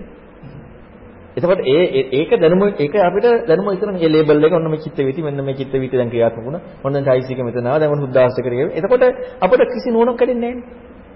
කිසිම නුවණක් කැඩෙන්නේ අපි අර මේ ගැළපිල්ලක් විතරයි කරන්නේ. එතකොට අර බුදුරණවහන්සේ වෙන්න යෝනිසමනසිකාර උත්පාදයට අවශ්‍ය දෙන්නේ නැහැ. ඒ නිසා ඒ ඒ විදිහේ සිද්ධ වීම හරියි ක්‍රියාත්මකයි. මොකද ඇත්තටම ඒ කරුණේදී දෙන බුදුරණවහන්සේ ගොරෝසු සියුම්. එතකොට ගොරෝසු එකේදී පංචකාමයන් කියන එක සියුම් එකේ සියුම් සියුම් කාරණාව දැන් ඒකේදී අර කාරණාව කියලාත් නෑ. ඉතින් ඒ නිසා ඕන පැත්තකට යන්න පුළුවන්. ගොරෝසු එකට පංචකාමී කියලාත් නෑ. සියුම් එකට ඒ ඕන පැත්තකට යන්න පුළුවන්. හැබැයි යන්න තමන්ගේ ස්වයංව යෝනිසමනසිකාට අවශ්‍ය ටික හම්බ වෙනවා. එතකොට බුදුරණවහන්සේ දේශනාව දුන්න කෘත්‍ය වෙලා. බුදුරණවහන්සේ දේශනාව දුන්න කෘත්‍ය වෙලා. බුදුරණවහන්සේ ලිස්ට් එක දුන්නා නම් කෘත්‍ය වෙලා නැහැ. ඒ යෝනිස මනසිකාරය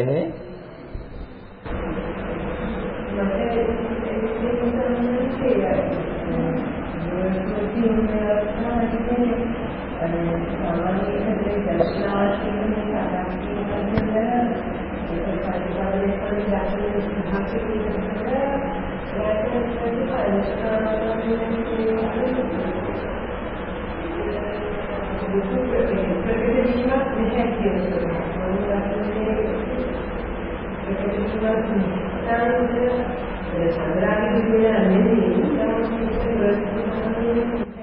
තව සියුම් එතකොට ඒ එතකොට ඇත්ත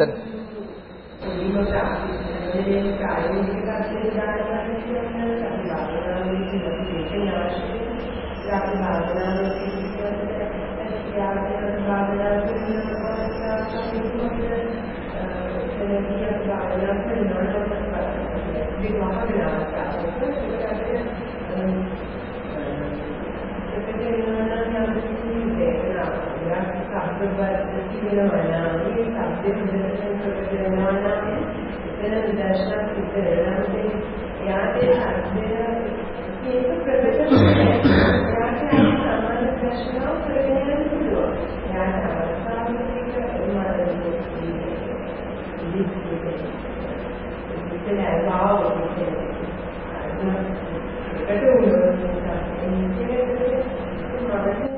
ආ ඒක අරක ගොරෝසු ඒකවත් හිතන්න පුළුවන් අත්තත්. ඒ කියන්නේ ඒ හම්බ වෙන කාරණාව ගොරෝසුයි. ඒතර ප්‍රායෝගික කරනවා. හැබැයි ඉතින් හම්බුනේම පංචකාමේ තමයි. ඔව්. ඊළඟට දැන් සමන් අපි අපි කරගෙන යන වැඩ පිළිවෙල යම් කිසි අපද යමක් තේරෙනවා කියලා. කොහොමද අර පංචකාමේ ඉක්මලන්න එතන තේරෙන්නේ?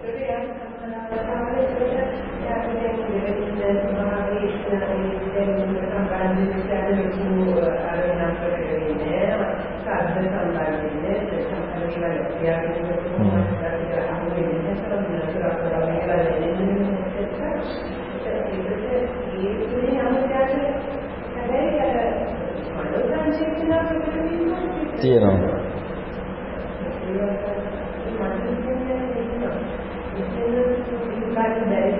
නෑ ඒක කොහොමද එතන කියපු ඒ කාරණාවේක කොහොමද කාමරාගය කියන කාරණාව යෙදෙන්නේ නෑ. ඒක අරක ඇහෙනකොට කාමරාගයත් එක්කනේ හම්බුනේ. ඒ ප්‍රායෝගික දැන් කරන අවස්ථාවේදී ඒක නැතුව තමයි හම්බෙලා තියෙන්නේ.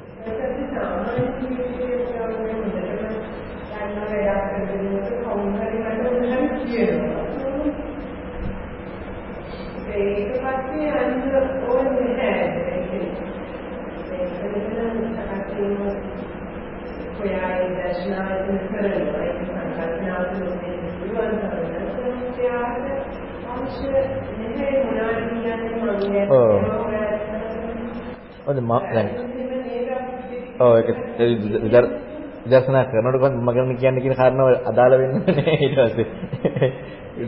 ඒ හරි ටික ටික එනකොට අර මම අයින් වෙලානේ. එතකොට ඒකට යමින් යමින් අර කාරණා ඒක නිකම්ම අතහැරලා යනවා.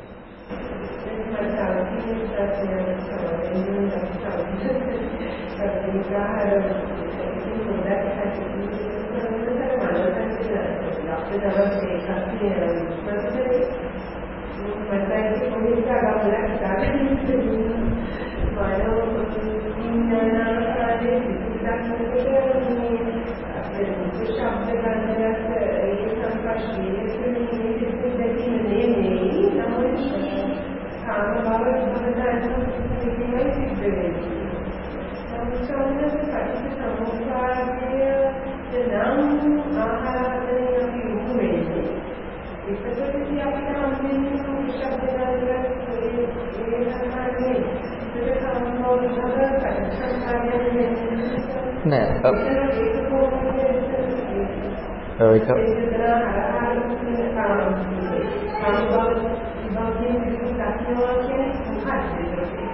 ඒක හරි ප්‍රශ්නයක්. ධම්ම සංචේතනයි පටිසම්පාද කතා කරනකොට හම්බෙන්නේ. ඒ කියන්නේ මනෝ සංචේතනාව කියනකොට දැන් අපි හිතමු දැන් දැන් අද අපි කතා කරනෝනේ ඇහැට රූප පේනකොට ඇහෙන්නේ මේ පේන්නේ මනට කියලා. ඒක එහෙම යෙදෙන්නේ නැහැ උදවර්ණ දේශනා කරන්නේ. දැන් ඇහැට රූප ඇහැට රූප බලන්න බෑ. ඇහැට මේක කෝප් එක කරන්න බෑ. මනෙන් මේක කරන්න කියන්නේ. බුදුරණවහන්සේ එහෙම කියන්නේ නැහැ. ඇහෙන්මයි මේක සිදු වෙන්නේ. හැබැයි මනෝ සංචේතනාව ක්‍රියාත්මක වෙනවා. මනෝ සංචේතනාව ආහාරකඩේ ක්‍රියාත්මක වෙනවා. හැබැයි අපි ආයේ මනදම් මනෝ විඤ්ඤාණ කතාවක් නෙමෙයි කියන්නේ.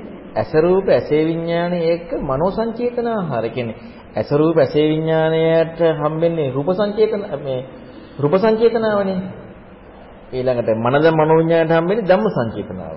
හැබැයි ඇස රූප ඇසේ විඥාණයට හම්බෙච්ච රූප සංකේතනාව ඔස්සේ මනෝ සංකේතනාව ක්‍රියාත්මක වෙනවා. එතකොට මනෝ සංකේතනාව ක්‍රියාත්මක වෙච්ච නිසා තමයි අපට වීදුරුවක් කියලා හම්බුනේ. නැත්නම් මේ යමක් කියලා හම්බුනේ. මනෝ සංකේතනාව ක්‍රියාත්මක වීමත්. දැන් අපි ගත්තොත් ඒක ගලපලා දුක්ඛාර සත්‍ය සමුදයාර සත්‍ය. ජාති දුක, ජරා දුක, මරණ දුක, ශෝක, පරිදේව, දුක්ඛ, දෝමනස, උපායාස. පංචමස්කන්ධ අතහරින්න ඔය ඔය දුක ගත්තාම මේ දුක අපට හම්බ වුණේ කෙනෙකුගේ දැන් ඇත්තටම රහතන් වහන්සේට ජරා මරණ දුක අයින් වෙනවා කියන්නේ මරණය යෙදිලා නැති නිසා මිසක් මරණය නැතිව නෙමෙයි. මරණය පැන වෙන්නේ නැහැ. දැන් මරණය ලෙඩවීම වයසට යාම පැනවුනේ කෙනෙකුගේනේ. යම් කිසි කෙනෙකුගේ මගේ මගේ තමයි ලෙඩවීම වයසට යාම මරණයටපත් වීම හම්බුනේ. එතකොට මගේ හම්බුණා නම් ඒ හම්බ වෙච්ච කාරණාව තුලම තියෙනවනේ පටිසමුප්පාදයේ දර්ශනය හම්බෙලා නැහැනේ. එහෙනම් එතන පැවැත්ම තියෙන්නේ කාමයක පැවැත්මක්. භවයක පැවැත්මක්, විභවයක පැවැත්මක්. දැන් ආහාර හතර විග්‍රහ කරනකොට තණ්හාවෙන් පස්සේ ටිකටම ආහාර හතර කතා කරනවා. තණ්හාවෙන් පස්සේ ඔක්කොටම. මහා අත්වදම සුද්ධ ගත්තට පස්සේ තණ්හාව නිසා කාම වහයි බව මේ මේ ආහාර කබලින්කාර ආහාර මනෝ සංකේතන ස්පර්ශ හතරම දැන් ඒතර ස්පර්ශ ආහාරයට ස්පර්ශ හේතුවක් කියලා උඩින් ස්පර්ශ ආහාරයට ස්පර්ශ හේතුවක් කියලා ඊටඟට මනෝ විඥානාහාරට විඥාන හේතුවක් කියලා. විඥානාහාරයට හේතුවක් කියලා විඥානය. ඊළඟට විඥාණයට ඡන්දේ රාගයෙන් විඥානියක් වෙනවා කියනවා. එතකොට මෙතන තියෙනවා අපිට පුළුල් කියන්නේ. ඒ කියන්නේ විශාල හිතන්න ඕන ලොකු පරාසයක් තියෙනවා. එතකොට දැන් හැබැයි මනෝ සංචේතන ආහාරය විඥාන විඥානාහාරය බුදුරණවහන්සේ පටිසම්පද විඥානය කියලා දාන්නේ නැහැ. මොකද ඒක ආහාරයක් කියනකොට ආහාරය එතන ප්‍රත්‍යක් එක්ක කතා කරනවා. එතකොට එතන විඥානය කතා කරන්නේ විඥානයේ පුනර්භවයකට ආහාරයක් කියනවා. ඊළඟට විඥානය කතා කරනවා තණ්හාපත් විඥානයේට ආහාර තන්න කරාම නාම රූප බැසගෙන ඒ ක්‍රියාව කතා කරනවා. එතකොට එහෙනම් දැන් මේක හැබැයි දැන් කාම්බෝල් භව තණ්හා කියන කාරණා තුන රූප ශබ්ද ගන්ධ රස පොට්ටබ ධම්ම තණ්හා කතා වෙන්නේ නැත්තේ නේ. එතන ඒක ඒ ක්‍රියාකාරීත්වය තියෙන්නේ. හැබැයි ඒ ක්‍රියාකාරීත්වය තුල සත්‍ය නොදකපු නිසා තමයි අපට පුජ්‍යලයකගේ පැවැත්මනේ කාමයේ කියන්නේ. දැන් ඇහෙන් දැක්ක රූපේ දැන් මම මේ විදුරු දකිනකොට රූප තණ්හාවක් ක්‍රියාත්මකනේ. හැබැයි මට හම්බුනේ ඒක. රූප තණ්හාව ඔස්සේ විදුරුවනේ. විදුරු මගේ මට හොඳයි න කාම තණ්හාව තියෙන්නේ. රූප තණ්හාව හැබැයි රූප තණ්හාව එක්කනේ කාම තණ්හාව තියෙන්නේ. භව තණ්හාව තියෙන පැවැත්මක් තණ්හාව තියෙන. හැබැයි රූප තණ්හාව එක්ක තියෙන්නේ. එහෙනම් අපට හම්බුණා නේද? ඒතකොට මෙතන මනෝ සංකේතනාවක් නෑ. අපට මේක හම්බුනේ විදුරුවනේ. වීදුරුව හම්බුණා කියලා කියන්නේ මනෝ සංචේතනාවක්. මට අර අර කර්ම දැකලා නෙමෙයි. මනෝ සංචේතනාවක් හම්බුනේ මේ භව භව භව තණ්හාවත් එක්ක.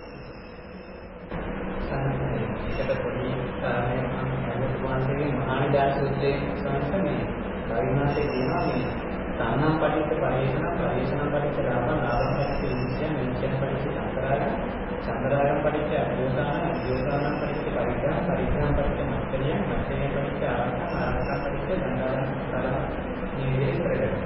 ඒක තණ්හාව විදිහට කරගන්න කාම කරන බව තමයි බව කරන්නේ. ඒකෝ දැන් අපි ඒ කාම කරන බව තමයි බව කරන හේතුවේ පරිේෂණය පරිේෂණේ ලාභය ලාභයේ නිශ්චය නිශ්චය චන්දරාගේ මේ කියන කාරණා ටික අපි බැලුවොත් මේ කුමන කුමන ස්වභාවිකද මේ ක්‍රියාත්මක වෙන ඉගෙන පරිේෂණයේ ලාභයේ නිශ්චය චන්දරාගේ මේ කියන්නේ මේ මේ ඒ කියන්නේ ලැබිච්ච දේ පදනම් කරගෙන ඒ පිළිබඳව ඉදිරියට ගෙන යාමක් තියෙනවා. මේක මනෝ සංචේතනාව කියන එක පැහැදිලිවම මෙතන පෙන්වනවා සංස කියන්නේ මේ සියල්ලම අර එකම එකම ගලායමක් තියෙනවා. ඒකට යොමු වීම තියෙන්නේ. ඒකට දැන් කාම්භව විභව සංහාව හේතුවෙන්ම තමයි මේ සියල්ල ගලායම තියෙන්නේ. ඒක මෙතනම තමයි ලෝකේ අර හම්බෙච්ච දේ මත මේ ප්‍රයත්න සිද්ධමාන. ඔව් ඊළඟට දැන් මధుපිණ්ඩික සූත්‍රය ගත්තාම රූප තණ්හාව තියෙනවනේ. ඊළඟට තියෙනවනේ මේ ප්‍රපංච ප්‍රපංච සංඥා සංකා සංඥා සමුදාචරන්ති කියනවා. අතීත අනාගත පච්චපන්නේසු චක්කු විඤ්ඤායේසු රූපේසු. ඔන්න ඔය ඔක්කොම ටික කියනවා. ඊට පස්සේ දැන් සක්කපඤ්ඤ සූත්‍රය ගත්තා පස්සේ ප්‍රපංච සංඥා සංකායක සිදුවෙන ක්‍රියාව තමයි මහා නිදාන සූත්‍රය කියලා දුන්න විග්‍රහය. ප්‍රපංච සංඥා සංකායක තමයි ඔය විතරකය ඊළඟට කලහ විවාද විග්‍රහය ඔක්කොම ටික විග්‍රහ කරන්නේ. එතකොට ප්‍රපංච සංඥා සංකා කියලා කියන්නේ වචනේම තේරුම් ප්‍රපංච කියන එකට නම් වෙන වචනයක් නැහැ. සංඥා කියන්නේ හඳුනා ගැනීම, සංකා කියන්නේ ගිනීම ප්‍රඥාති. එතකොට ප්‍රපංච වෙලා හම්බෙච්ච දේ තුළ ගිනි පැනෙවන්නේ මොකද්ද කියන්නේ? මේක වීදුරුවක් කියලා පැනෙවුවා. එතකොට එහෙනම් ඒක වීදුරුවක් කියලා පැනවුණා කියලා කියන්නේ අපට යමක් ලැබිලා තියෙනවා.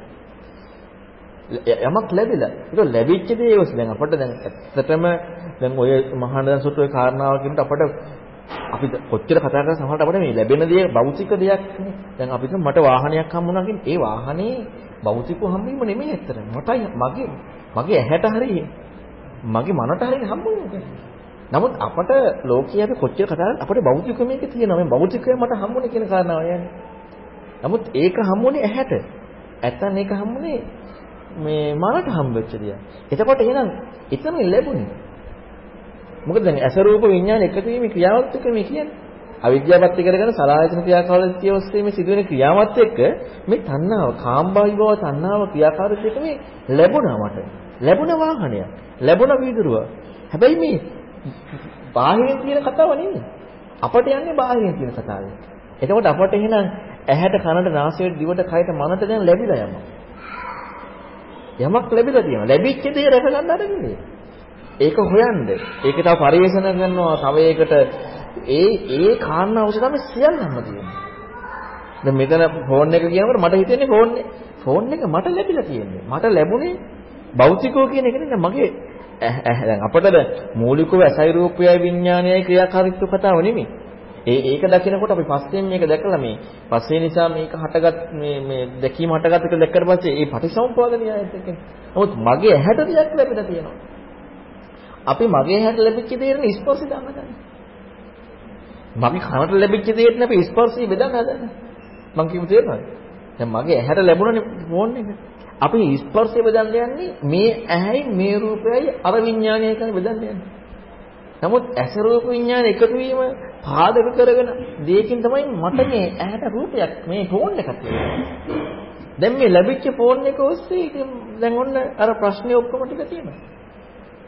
අපි මේ අපි දැන් අර අර කාරණාවක් අපි කතා කරනකොට අපේ ආයතන හයෙන් තොරව අපට අනිත් භෞතික දේ තමයි මේ කතා කරන්නේ කියන කාරණාවට යනවා. මේ ආයතන හයෙන් තොරව අසකරනාසය දිවකය මන කියන එකෙන් තොරව රූප ශබ්ද ගන්ධ රස පහස අරමුණු කියන එකෙන් තොරව තමයි අර වාහනේ තියෙන්නේ. නැත්නම් මේ ෆෝන් එක තියෙන්නේ ඒකෙන් තොරව. ඒතකොට ඒක තමයි මට ලැබුණේ. හැබැයි ඒ ලැබුණේ අරමුණක්. ඒ ලැබුණේ රූපයක්. හැබැයි ඒක ලැබිච්ච දෙයක්.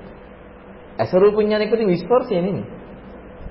ඒ ස්පර්ශය සිදුවෙච්ච නිසා හටගත්ත පංච උපාදානස්කන්ධ ක්‍රියාවලිය නොදකපු නිසා ලැබිච්ච මට මේ.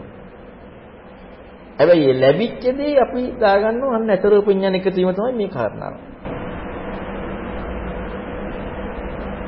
ඒ කාරණේ තවසක් ඉදිරියට විශ්වාස මේ ඒ කියන්නේ අපි ඇත්තටම සිහිය කියන එක ඉන්නේ විශ්වාස කරන්නේ ආයතන 6 කෙරෙහිම සිහිය හරියටම පවත්වා ගන්න පුළුවන් නම් රෝගපාලෙක් ඉන්නවා වගේ මේ ආයතන 6 කෙරෙහි සිහිය හරියටම පවතිනවා නම් මේ ඉමුණු සිහියෙන් හටගන්න තැනම හටගන්න දේ දකින්න පුළුවන්. මේ කාරණය අපිට මේ අනාතර ප්‍රඥාවෙන් දකින්න පුළුවන් නේද කියන එක. සංස එක වෙලා ඉවර වුණාට පස්සේ සිහිය යොමු කරලා දකින්න එකයි යුණු සිහියෙන් ඉන්නේ බලනකොට වෙනකොටම මේ කාරණේ දකින්නවා කියන එකට යුණු වෙනවා කියන එකයි නේද අපි කලින් ඔව්. දකින්න තැනම දකින්න. අපි මම අද කතා කරේ ප්‍රායෝගික දෙයක් වෙන්න ඕනේ. කියන්නේ වර්තමානයේ ප්‍රායෝගිකදී වර්තමානයේ ප්‍රායෝගිකදී ඉක්මවා ගියපු දෙයක් නෙවෙයි. දැන් මම දැන් ෆෝන් එක ගැන කල්පනා කරනකොට ෆෝන් එක ඇහැට දැකපු දේ නෙමෙයි ප්‍රායෝගික කල්පනාව. මේක අනිත්‍ය දුක්ඛ අනාත්ම වශයෙන් කරන දේ දැන් මනදම් මනෝවිඤ්ඤාණය කල්පනාව. ඒකයි ප්‍රායෝගික. එතකොට ඒ ප්‍රායෝගික දැන් එතකොට බලන්න ප්‍රඥාව කියන එකයි විතර කියන එකයි දෙකක්. එතකොට අපට කරන්න බෑ ප්‍රඥාව ඇති කරගන්න. අපට විතර විතරකය කරන්න පුළුවන්. විතරකෙන් ප්‍රඥාව ඇති. බුදුරණවහන්සේ පුජ්‍යලයට කරන්න කියන්නේ යෝනිසෝ මනසිකාරයනේ. යෝනිසෝ මනසිකාරය කරන්න කියන නිසා ප්‍රඥාව ඇති කරගන්න ඒක මාර්ගය ඇති වෙන දෙයක්. ආධ්‍යාත්මික අංගේ යෝනිසෝ මනසිකාරය, බාහිරංගේ සද්ධර්මශ්‍රවය. එහෙනම් මේ යෝනිසෝ මනසිකාරය හැබැයි කරන්නේ මනෝ විතරකයක් එක්ක.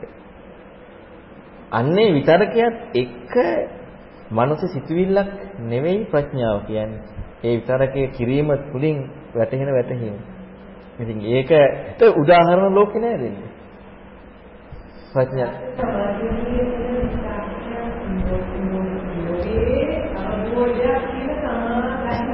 ඔව් ඒකනේ දැන් අර කතා කරන්න බෑ. ඒක නේද පහ ඉක්මවනවා කියන්නේ. ශ්‍රද්ධාව, රුචිය, අනුස්සවය, අකර්පලිතක්.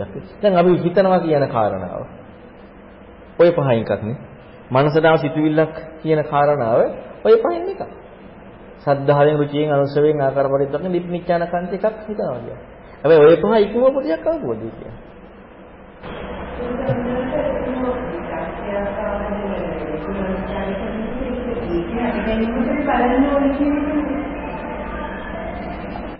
ඒකයි අර ඇත්තටම හට ගැනීම දකින්න කාරණාවට එනකොට අපිට ඉස්සල්ලාම කියන යෝනිසෝ මනසිකාරය කරන්නේ. දකින්නවා කියන කාරණාව ප්‍රඥාවට. ඒ කියන්නේ අර අරක තියෙන්නේ චක්කුමන්තෝ පස්සති. ඇස්සත්තනේ දකින්නේ. අපට කියනවා යෝනිසෝ දැන් අර බුදුරන් බෝධිසත්ව කියන්නේ අහපා මට යෝනිසෝ මනසිකාරය ඉපදුනා. එතකොට යෝනිසෝ මනසිකාරය තමයි මට ඉපදුනේ. ඇස්සති ප්‍රඥා ඇති ඇති වුණාම දකින්න. එතකන් අපට වර්තමානයේ දකින්න අපි කොච්චර අපි දැන් උත්සාහ කරත් වර්තමානයේ දකින්නවා කියන කාරණාව මම කරනවා කියන එකේ දෙන්නේ නැහැ. මොකද වර්තමානයේ මම දකින්නවා කියන කාරණාව යෙදෙන්න විදිහක් නැහැ. මොකද මානසිකාරයක් මම විතරක් යන්නේ කරන්නේ. තව එකක තව විතරක්. දැන් අපි බලමු. දැන් ඔන්න මේ වීදුරුව ගැන විතරක් කර කර මේක අනිත්‍ය වශයෙන් ස්පර්ශයෙන් කියලා හිතනකොට මනදම් මනෝ විඤ්ඤාණ. ඊළඟට ආයෙ හිතනවා මනදම් මනෝ විඤ්ඤාණ හටගත්තේ මෙහෙමයි කියලා ආයෙත් තව විතරක්.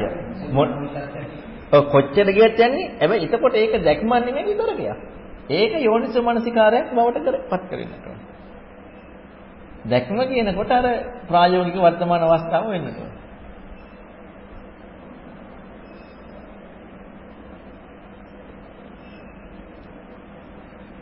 මනෝ සංචේතනා කිව්වේ?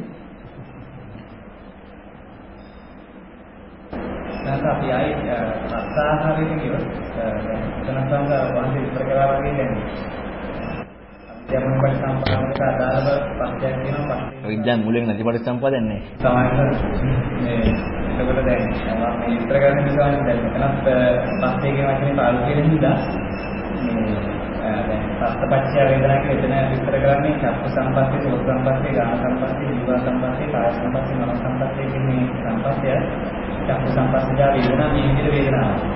එතකොට මෙතන ආහාරය විතර කරනකොට විතර වෙනවා මේ පස්ස ආහාරය යමින් පිළිසඳ දක්නවා නම් විවිධ වේදනාවක් පිළිසඳ දක්නවා. සැපම කරුණම සුඛ. එතකොට දැන් ඒකම විදේශ සූත්‍රයේ විස්තර වෙනවා මේ වේදනාව කියන පරියාය කරනකොට වේදනාව තුනක් තියෙනවා. සැපම කරුණම සුඛ. වේදනාවට නිදානේ තමයි පස්සේ. මේ දෙක මොන විස්තරයක් කරන්නේ? දැන් අපි ඔකම ගත්තොත් මේ මාන්ජන් සුටි දෙක බලලා ආහාර හතරටම හේතුව කියනවා තණ්හාව. තණ්හාවට හේතුව වේදනාව. එතකොට වේදනාවට හේතුව ස්පර්ශය. හැබැයි ආහාර හතරටම හේතුව තණ්හාව, වේදනාව, ස්පර්ශය. ඒතර මෙතන ස්පර්ශය සහ වේදනා ක්‍රියාකාරීත්වයේ හොයන් යද්දී ඔන්න පටිච්චසමුප්පාදිත හම්බ වෙනවා. හැබැයි අතන වේදනාව සහ ස්පර්ශය කියන එක ආහාරයේ හැටියට කතා කරනකොට අන්න වෙනම හම්බ වෙනවා. එතකොට දැන් මේ ආහාර හතර දැන් අපි කජිනේ සූත්‍රය ගත්තොත් එහෙම කජිනේ සූත්‍රේ පංචමාස්කන්ධ විග්‍රහ කරනකොට අපට හම්බ වෙන්නේම මේ ලෝකේ හම්බ වෙච්ච දැන් අපි තුමු ජාති හරි ජරා හරි මොනවා හරි හම්බෙච්ච දේ ක්‍රියාකාරීත්වයක් අපිට තියෙනවා. මූලික ප්‍රකට වෙන දෙයක් මේ රූපය මේ දැන් අපි වේදනාව කියන්නේ මොකද්ද? වේදනාව කියන සැප දුක දුක්ඛම සුඛ විඳින ගතියක් ඒක. සංඥාව කියනකොට අපිට මේ පේන ඇහෙන දේ හඳුනාගත්ත ලෝකේ හඳුනාගත්ත දේත් එක්ක. එතකොට මෙන්න මේ වගේ එතකොට එතනනේ පැවැත්මක් හම්බෙන්නේ. පැවැත්ම කියන වචනේ හිස්මතු වෙන්නේ එතනද. හම්බෙන්නට ඕන පැවැත්මක් කියන එක. නැවත හට ගැනීමක් කියමු වෙන්න. ඒ කියන්නේ අපි හටගත්තා කියන කාරණාවට යමු වෙන්න. පැවැත්මක් කියන කාරණාවට යමු වෙන්නත් අපට මොකක් හරි ප්‍රකටත්වයක් හම්බෙන්නේ. ප්‍රකටත්වයක් නැත්නම් පැවැත්මක් හෝ හට ගැනීමක් කියන කාරණාවක් එදෙන්නේ නැහැ. එතකොට ආහාර හතරම විග්‍රහ වෙන්නේ මොකද්ද? සත්‍යයේ හට ගැනීමට හට ගන්න උපකාරයක්. එතකොට එහෙනම් ඒ විග්‍රහයම තියෙන්නේ සත්වයේ කියන ප්‍රඥප්තිය. එහෙනම් අපි සත්‍ය සූත්‍රය ගත්තොත් එහෙම පංචමාස්කන්ධය කියන චන්දරාගයක් ඇත්නම් සත්‍යයක්. චන්දරාගයට සත්වයාගේ පැවැත්ම කියන එකයි ආහාර හතරෙන් විග්‍රහ එතකොට එහෙනම් ආහාර හත් දැන් අපි තව විදිහකින් ගත්තොත් ආර සත්‍යයේදී දුක්ඛ සමුදය කාම්භවි භව තණ්හා එක දුක කියනකොට මේ අපේ ප්‍රකටන දුක. එතකොට දුක ප්‍රකට වෙන්නේ අපට පැවැත්මක් හම්බෙනවා. පැවැත්මක් එක්කනේ දුක තියෙන්නේ. දැන් එතකොට ඒකේ හොඳටම හම්බෙනවා තේරෙනවා එහෙනම් කාම්භවි භව තණ්හාව තමයි මනෝ සංචේතනාවත් එක්ක හම්බෙන කාරණා. මොකද පැවැත්මක් එක්කයි ප්‍රකට වෙන්නේ. පැවැත්මක් නැතුව නෙමෙයි. පැවැත්ම ඉක්ම වෙන්න ප්‍රතිපදාව අපිට කතා කරන තැනදී අන්න පටිච්චසමුප්පාදයේ සත්‍ය වශයෙන් කතා කරනකොට රූප වේදනා සංඥා සංකාර විඥානයේ තියෙන ක්‍රියාකාරීත්වයේ තියෙන අර උපමා පහේ අර්ථය හම්බ වෙනවා.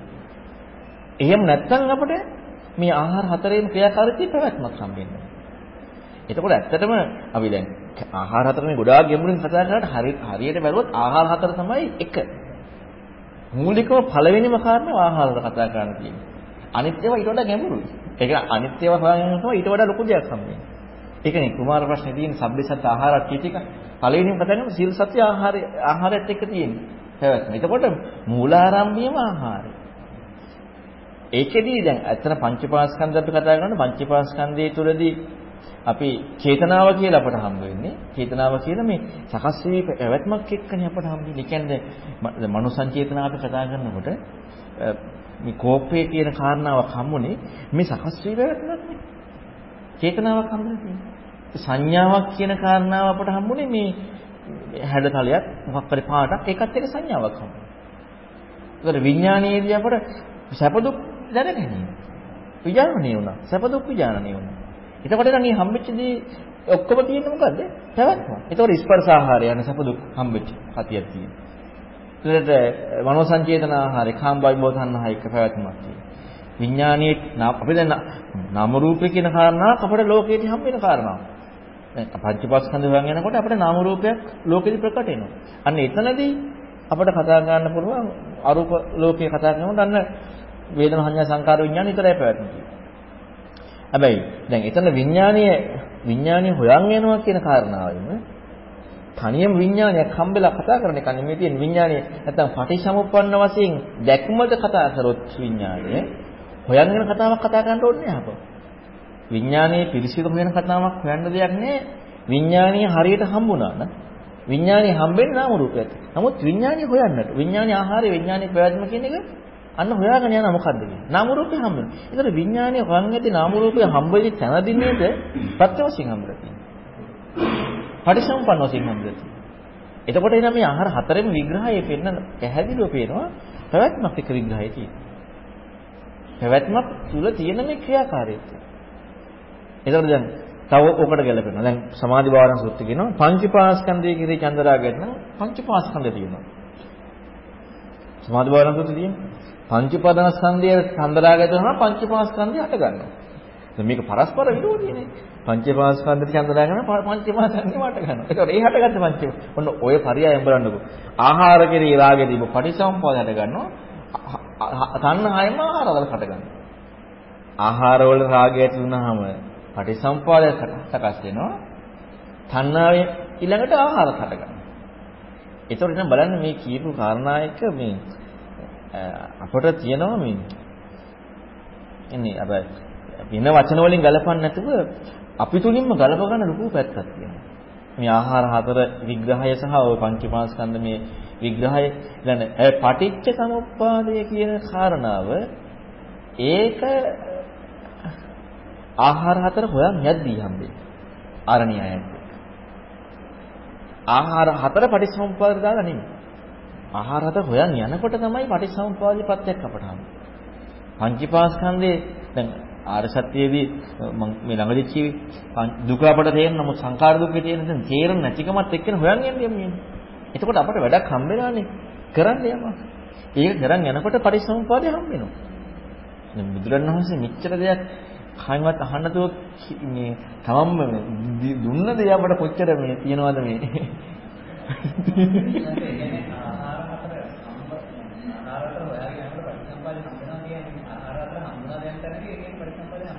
හම්බුණා කියන්නේ. ආහාර අතර හරියට හම්බුණා නම් ඒක ඒ හම්බ වෙන්නේ නම් පැවැත්මත් එක්ක. ඒ කියන්නේ ක්‍රියාවත් එක්කම හම්බ වෙන්නට ඕනේ. වෙනස් වෙන මහා සංඝ සූත්‍රයේදී විඥානය සත්‍යපන් බව විස්තර සාකච්ඡාවේ ප්‍රශ්නේ මේ එතනදී අර සතර ආහාර වලින් සතර තණ්හාවක්ති ඇති වෙන ඉතින් මේ පරියාය කොහොමද මොකද මානසිකමාරදී විඥානය කියලා විඥානයේ පටිපන්න ස්වභාවය පැහැදිලි කරනවා ඒකේ සාහිත්‍යවල පිළිබඳ ඒ ධාතුසුගේ ප්‍රශ්නේ ගැන අහන ධාතුසු කියන්නේ අපේ දවස් සම්මානයේ තියෙන විඥානයේ නැතිවෙන්නේ. හ්ම්. කියන්නේ කර්මයෙන් කර්මයෙන් දෙමින් නැදී පින්පාව දෙමින් සත්‍යය උදාහරණ එතනදී ආහාර ඒ පැත්තේ මොකද එතන එතනම ඒක එක වැරදි කියලා හිම බුදුරණවහන්සේ කියලා විඥානීය ගිනි 11ක් ඔව් ලෞකික සම්මාදිට්ඨියත් මොකද ලෞකික සම්මාදිට්ඨිය තුල ඉන්නකොට යන පැවැත්මක් එක්කනේ තියෙන්නේ. හැබැයි ඒක පටිච්චසමුප්පාද ගලපන එකයි වරද තියෙන්නේ. දැන් කතාව අපි යන්නේ පටිච්චසමුප්පාද ගැලපීමත් එක්කනේ. මොකද විඥානය දැන් අපි හිතමු පටිච්චසමුප්පාද නැත්නම් බුදුරණවහන්සේ න්‍යාය නැතුව අපි ලෝකේ කතා කරනකොට අපට මේ මේක අතහැරලම කතා කරන්න වෙනවා. නමුත් අපි මේ දෙකත් එක කතා කරන නිසා දැන් සාත බිස්සුවක් කියන්නේ ධර්ම ඉගෙන ගත්ත කෙනෙක්. එතකොට මේ ඉගෙන ගන්න කතා කරන්නේ. එතකොට එයාට අර හම්බෙච්ච විඥානික ක්‍රියාවත් මෙන්න මේකත් එක තමයි කතා කරන්නේ. එතකොට දැන් ඒකේ විග්‍රහ කරන මේ හටගත දෙයක් හැටියට දකිනවා. ඒ විග්‍රහයත් එක්ක සම්පූර්ණයෙන් මේ විඥානික ක්‍රියාකරත් උලුප්පල පෙන්නනවා. ඊළඟට දැන් ආහාර අතර කතා කරනකොට දැන් එතන තණ්හාවෙන් ආහාර හතර කියලා ඒකේ අනිත් පැත්ත අහපව කියනකොට බුදුරණවහන්සේ තණ්හාවෙන් ඔව් තණ්හාවෙන් ආහාර හතර කියන්නේ නැහැ. දැන් මෙසේ දැන් අහගෙන අහ ප්‍රශ්න ටික තණ්හාව ආහාර අතරට හේතු තණ්හාව තණ්හාවට හේතු ස්පර්ශය ඔහොම අහගෙන ඇවිදිලා මේ විදිහට කතා කරනකොට ආහාර අතර කියන්නේ නැතුව උපාදාන දක්වා ජරා මරණ දක්වාම කියනවා. එතකොට දැන් ඒ ටිකේදී දැන් හොඳට බලන්න පටිච්චසමුප්පාදේ අපි කතා කරන පරයයත් එක්ක ගන්නකොට උපාදානයේ භවයේ ජාතිය ජරා මරණ කියන කාරණාව. සමාධි භාවනා සූත්‍ර ආදී ගොඩක් දේශනාවල මේ ඡන්දය දුරු කරනවා කියන කාරණාව මෙතන මේ. ඒ කියන්නේ හටගත්ත පංචපාස්කන්ධේ චන්දරාගය දුරු කරන එක චන්දරාගයත් එක්ක උපාදානයි. මේකනේ හැමතැන මුලුප්පල පේන්නේ. එතකොට පැවැත්ම ප්‍රකට වෙන කාරණාව. භවය උපාදාන භව ජාති ජරා මරණ කියන මෙන්න මේ කාරණාව එක්ක පැවැත්ම කියන කාරණාව ඉස්මතු වෙන වැඩි. දැන් භවය කියන වචනේම තේරෙන පැවැත්ම කියන එක. භවය කියන වචනේම තේරෙන පැවැත්ම කියන එක. එතකොට එහෙනම් ආහාර හතර විග්‍රහය තියෙන්නේ මේකත් එක්ක. ඒ පැවැත්මත් එක්ක.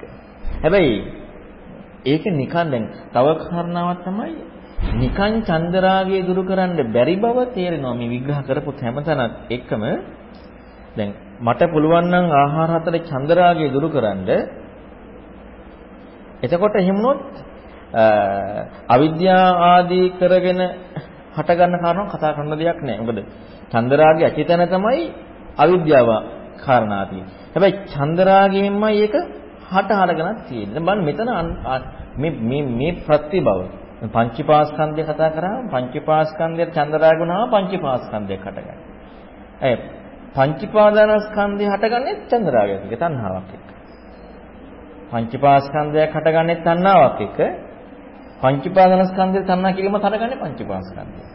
ආහාරය හටගන්නේ තණ්හාවක් එක්ක. ආහාර තණ්හා කියන වෙනොත් ආයෙත් හටගන්නවා. එතකොට එහෙනම් කෙනෙක් හත ඔව් අනිවාර්යෙන් කියන්නේ එහෙමයි. කෙනෙක් කතා කරොත් එහෙම චන්දරාගයේ දුරු කරන්න විතරයි තියෙන්නේ කියලා. ඔය කියමන ඔය කියමන පරස්පර විරෝධී.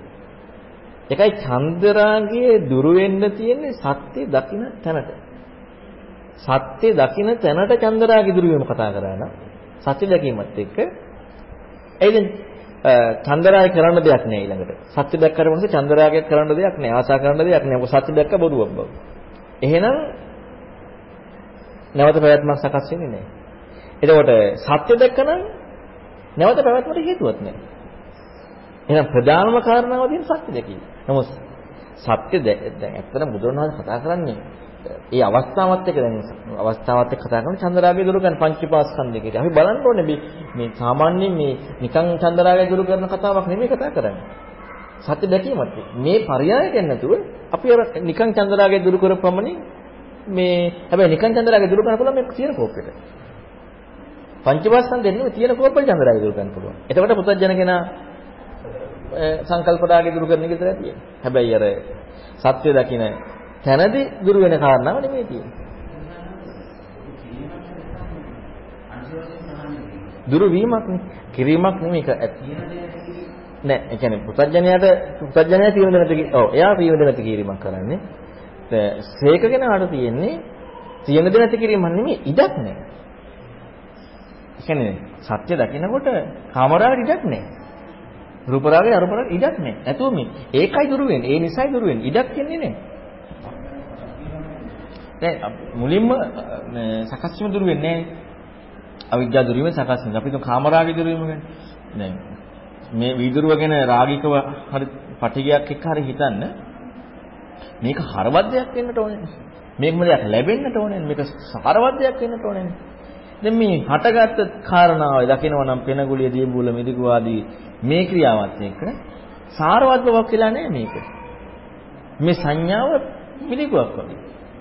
මේ චේතනාව කෙසෙල්ලරට. එතකොට එහෙම තියෙද්දි මේකට රාගයක් ඇති කරගන්නේ කාරණාව එන්නේ නෑ. ඒ දැන් අපි දැන් අපි අපි අපි දන්නවනම් කෙසෙල් අරටුවේ කෙසෙල් ගහේ අරටුවක් නැහැ කියලා. අපි කප කප හොයන්නේ නැහැ මේක අරටුවක් තියනවාද කියලා. අපි දන්නවනම් වතුර වගේ හම්බෙච්ච තැනක මිරිගුවක් ඇති තැනක වතුර නෙමෙයි තියෙන්නේ කියලා අපි ඒ පස්සේ යන්නේ නැහැ. එහෙනම් සංකල්පයක් වශයෙන් රාගයක් එන්න අර විදිහේ දකින්න තැනදී ඒ රූප සංඥාවේ ඒ ශබ්ද සංඥාවේ ඒ ගන්ධ සංඥාවේ එවැනි ඉඩක් ඉන්නේ නැහැ.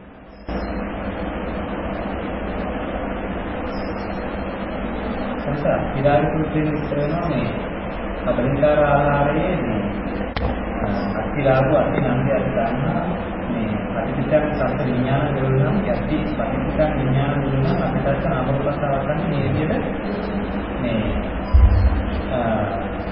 කබලිකාර ආහාරයේ රාගය සතුවීම සංහාව කියන එක ඉන්නොත් විඥානය මේ දැක ගන්නවා වැඩෙන පටන් ගන්නවා විඥානය වැඩේ වැඩනකොට නාම රූපය දැක ගන්නවා නාම රූප දැක ගන්නවා සංස්කාර වර්ධනය වෙනවා මේ විදිහට විස්තර වෙනවා එතකොට දැන් අපි කිසිමනේ මම මේ ප්‍රශ්නයක් අහනවා ඒ කියන්නේ දැන් අපි හිතුවොත් දැන් මේ විඥානය දැක ගන්නවා කියන්නේ ආයේ පටිසම්පාදයට දාන විඥානය. ඊට පස්සේ නාම රූපයට මේ කිව්වම දැන් අපි එතන දන්නවා නාම රූපච්ඡ විඥාන විඥානපච්ඡ නාම රූපං කියලා. ඊට පස්සේ ඊට පස්සේ කියන නාම රූප විගතගත්තට පස්සේ සංකාර වර්ධනය වෙනවා කියලා. ඒක පටිසම්පාදයෙන් තියෙන අර මේ ඒ සම්බන්ධයෙන් එක්ක අරනකොට කොහොමද ගැලපෙන්නේ නැති මට්ටමක් තමයි මෙතන විග්‍රහ වෙන්නේ වෙනම ක්‍රමයකින් ප්‍රමෝෂන් ඒකට ඒ වචනේ මෙතන ගත්තා ඒ කියන්නේ වෙනම මේක උනාට පස්සේ අර වෘත්තියක් වෙනවා කියලා කියන්නේ අර එකක් පස්සේ එකක් වෙනවා වගේ කියන කාරණාවක් හිතනවා. කියනවා දැන් අපි අතන දන්නවාට සංස්කාරපච්චය විඥාන විඥානපච්චය නෝප මේ විදිහට දන්නේ. දැන් ඒ කාරණේයි මේ කියන කාරණේදී කොහොමද සංස විග්‍රහ කරන්නේ? දැන් අපි ඇත්තටම ඔකට විඥානීය උදාහරණය ගත්තොත් අපි බීජයක් කියන එකත් එක්ක බීජයේ බීජයේ පැලවීම කියලා කියන්නේම බීජයේ රෝපණය වීම කියලා කියන්නේම ඊට රෝපණය වීම තුලින් සකස් වෙන ක්‍රියාව හම්බ වෙනවා. එතකොට විඥානීය බීජයක් නම් විඥානීය ආහාරය අපි හිතමු කබලින්කාර ආහාර චන්දරාගේ දුරු වුණාද? චන්දරාගේ කබලින්කාර ආහාර චන්දරාගේ දුරු වුණා නම් එතකොට ඇති තැනදී දැන් ඔකට උදාහරණයක්ත් දෙනවනේ. මොකද්ද දෙන්නේ? ඔව් ඒක කියලා ඊළඟට චන්දරාගේ දුරු වීම ගැන කියනවා. සූර්යාලෝකයේ වැටෙන්න ඉඩ ඉස්ලාම් විත්තියට වදිනවා විත්ත නැත්තම් යන්නේ බිමට වදිනවා බිම නැත්තම් වතුරට වදිනවා වතුර නැත්තම් වැටෙන්න තරන්නේ නැහැ කියලා. එතකොට එහෙනම් මේ හැම එකම තියෙනවානේ ඒ උදාහරණ තුනකම කියලා ප්‍රත්‍යක් යම් කිසි පදනමක් ඇති වෙන්න ඕනේ කියන්නේ. පදනමක් ඇතිනම් මූලික පදනම තියෙනවා නම් අර ක්‍රියාකාරය තියෙනවා. හැබැයි මේකේ මේ වැඩපිළිවෙල බුදුරණවහන්සේ ඉස්මතු කරනවා. දැන් ඔය විදිහම විග්‍රහයක් තියෙනවා චේතනා සූත්‍ර තුනක් තියෙනවා. සම්මිතනිකයි. මේ චේතනා සූත්‍ර තුනේ ඔය විදිහටම තියෙනවා. අර ප්‍රත්‍ය වශයෙන් කතා කරන්නේ නැතුව ඔය විග්‍රහය විඥානි බැසගත්තා, නාම රූපේ බැසගත්තා. ඊළඟට සංඛාරයන් වර්ධනය වෙනවා. ඊළඟට ආයතින් ජාතියදා මනසෝක පරිදීව කියන මේ කාරණාව ඒ විදිහට විග්‍රහ කරනවා. එතකොට දැන් ඒ කාරණාව තුළදී බුදුරණවහන්සේ මේ පටිච්චසමුප්පාදේ විග්‍රහ කරපු කාරණාවේ එකක් නෙමෙයි මේ විග්‍රහ කළේ. හැබැයි එකක් නොවුනට විග්‍රහ කළේ කාරණා 12 කාලයකට දෙන විග්‍රහයක් නෙමෙයි. දැන් අපි තුමු මේ එකින් එක ක්‍රියාව වරන් බලනකොට ඒ ක්‍රියාව අපිට වෙන් වශයෙන් විග්‍රහ කරගන්න වෙනවා. ක්‍රියාව වෙන් වශයෙන් විග්‍රහ කරගත්තේ නැතිනම් අපට ඒ ඒ කාරණා වෙන වශයෙන් තේරුම් ගන්න බැරි සංස්කාරට කතා කරනකොට සංස්කාරයේ තියෙන්නේ සම්පූර්ණයෙන්ම සකස් වෙනවා කියන කාරණාවත් එක්ක. නාම රූපයේ කතාව තියෙන්නේ බැස ගැනීමක් එක්ක. අපි මූලිකම කතා මහානිදාසුත් එක්ක ගත්තොත් එහෙම ඒත් පෙන්වන්නේ විඥානයේ බැසගත්ත තැන නාම රූපයේ බැසිලා බැසගෙන වැඩෙනවා කියන්නේ. එහෙනම් මේ කතා කරන කාරණා තුල මේ එකින් එක කෘත්‍ය තවදුරටත් ඉස්මතු වෙලා පෙන්නනවා. හැබැයි ඒකෙන් කියවෙන්නේ නැහැ මෙතන ආරණ්‍යයෙන් වින්වෙච්ච පරිසමුප්පාදයක් තමයි මේ විග්‍රහ වෙන්නේ කියලා. නමුත් එකින් එකේ කෘත්‍ය වලට වෙන විශේෂණ කාරණාවක් එක්ක ඒ කියපු කාරණාවෙන් හම්බෙන්නේ. තාසේ ඒ කාරණේ සමාවෙන්න කරන්නේ මේ කාරණය උන්දාට අදාළවම යොසවන්කාරය කරනකොට ප්‍රඥාව අවබෝධ කරගන්න උත්සාහ කරනවා. ඒ කියන්නේ මේ පරියායය නම් දැන් අපි පටිසම්පාදය ඉගෙන ගන්නකොට ඒ අර්ථයෙන් කියන්නේ සංකාරපච්චය විඥාන ඥානපච්චය නාමපච්චය ඒ අර්ථයෙන් ඉගෙන ගන්නවා. ඒක යොස්ස මනස්කාරය කරනකොට ඒක යම් මේ ප්‍රමාණයකදී අපි ප්‍රඥාවෙන් ඒක දැක ගන්නවා අවබෝධ කරගන්නවා. ඒ වගේ අපි මේ කාරණේ මම කරන ඔබන්සිකේ පිටතට මේ වගේ මේ අපි ඉගෙන ගන්න හැම දෙයකම අමතරටම දානවා. ඔය ප්‍රශ්නේ මෙතෙන්ට දෙනවා නේ මේකෙදි මෙහෙම එකක් තියෙනවා හැබැයි. දැන් මම අර මිසරේ මම කේමක සූත්‍ර කරා ඒක පොඩක් ඒකෙන් මම මෙහිම එකක් කිව්වා දැන් ඔන්න හිතන්න ආරණ්‍යය අපි දෙකක් විතරක් ගත්තාම දෙකෙන් අපි හිතමු බවපච්චය ಜಾති බවපච්චය ಜಾති කියනකොට අපි ಜಾතියන හොයන්නේ. ಜಾතිය හොයන තැනදී භවයෙන් ಜಾතියන හම්බෙන්නේ. හැබැයි අපිට භවය විතරක් වෙන්න බෑනේ. භව ප්‍රත්‍යයෙන් ಜಾතිය කියලා අපි අපි දැන් හම්බෙච්ච ಜಾති හොයාගෙන යන්නේ. ಜಾති කියන්නේ මොකද්ද කියලා. ಜಾතිය හරියට හම්බෙන්නේ භවයත් එක්ක. හැබැයි භවය විතරක් වෙන්න බෑ. කියන්නේ ශ්‍රද්ධාවකින්, රුචියකින්, අනුස්සවයකින්, ආකාර පරිවිතකේ දික්නිච්ඡාන කන්තියකින් හම්බෙච්ච දෙයක් උනොත් භවය පටිසම්පාද දැක්ක වෙන්නේ නැහැ. එහෙනම් භවය හම්බෙන්නත් ඕනේ. ඒක විතරකයක් නොවෙන්න භවය හම්බෙන්නට ඕනේ. ඒතර භවය හම්බෙන්න භවයේ හේතු වෙනවා. එතන භවයේ හේතු වෙන උපාදානයි. ඒතර උපාදාන හේතු වෙනකොට තණ්හා. ඒතකොට මේ හැම එකක්ම හම්බ වෙනවා භවපච්චය ಜಾති කියලා දර්ශනයක් එක්කනේ. හැබැයි හොයන්න පටන් ගත්ත ಜಾතිය. ಜಾතින් හොයන්න පටන් ගන්න භවපත්‍යෙන් ಜಾතිය දැක්කේ. හැබැයි භවයේ මොකද්ද කියලා හරියටම හම්බෙන්න ඕනේ. සද්ධාර්ජන සුවාකාර පරිතර දිටි නිචාන කන්දරින් තොරව. ඒක හම්බෙන්නට නම් භවයේ හේතු හම් වෙන්නට ඕනේ. ඒ හේතු ඔක්කොම හම් වෙනකොට නැවත විතරකයකින් හේතුවක් හොයන්න නැති බවක් හම් වෙන්නට ඕනේ. ඒ කියන්නේ ශ්‍රද්ධාවකින්, රුචියකින්, අනුස්සවයකින්, ආකාර පරිද්දක්කේ දිටිනිඥාන කන්තියකින් හේතුවක් අහපව් හම් නැතුව සාක්ෂාත් වෙච්ච බවක් හම් වෙන්න ඕනේ. සාක්ෂාත් වෙන්නේ එකම දේ තමයි විද්‍යාවත් එක්ක. ඒ ඥානීය ඥානීය එන තැනදී හේතු වෙච්ච අවිද්‍යාව සාක් අවිද්‍යාව දුරු වීම සාක්ෂාත් වෙනවා. ආ හිතන දෙයක් නෑ. එහෙනම් ඒ ක්‍රියාවේදී හම්බ වෙලා තියෙනවා මේ 12 තුල යම් ක්‍රියාකාරීත්වයක්. පටිච්චසමුප්පාද වශයෙන් දකිනකොට අපට ප්‍රත්‍ය වශයෙන් හම්බෙන්නේ දෙකක්.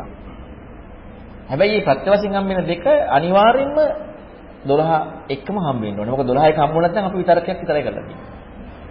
හැබැයි ඒ 12 එක්ක හම්බෙනවා කියලා කියන්නේ මේ යම් ක්‍රියාකාරීත්වයක් එක්කනේ හම්බෙලා තියෙන්නේ. ක්‍රියාකාරීත්වයක් එක්ක හම්බුනේ නැත්නම් ඔය ගැලපෙන්න ගැලපෙන්න අවශ්‍යතාවය නැහැ. ක්‍රියාකාරීත්වයක් එක්ක හම්බෙලා තියෙන්නේ. එහෙනම් අන්නේ ක්‍රියාකාරීත්වය තමයි උතන විග්‍රහ වෙන්නේ.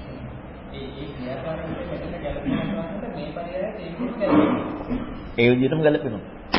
ඔතන වැඩිපුර අර මොකද පැවැත්ම ඉස්මතු කරන්නේ. ක්‍රියාකාරීත්වය වැඩිපුර ඉස්මතු වෙනවා.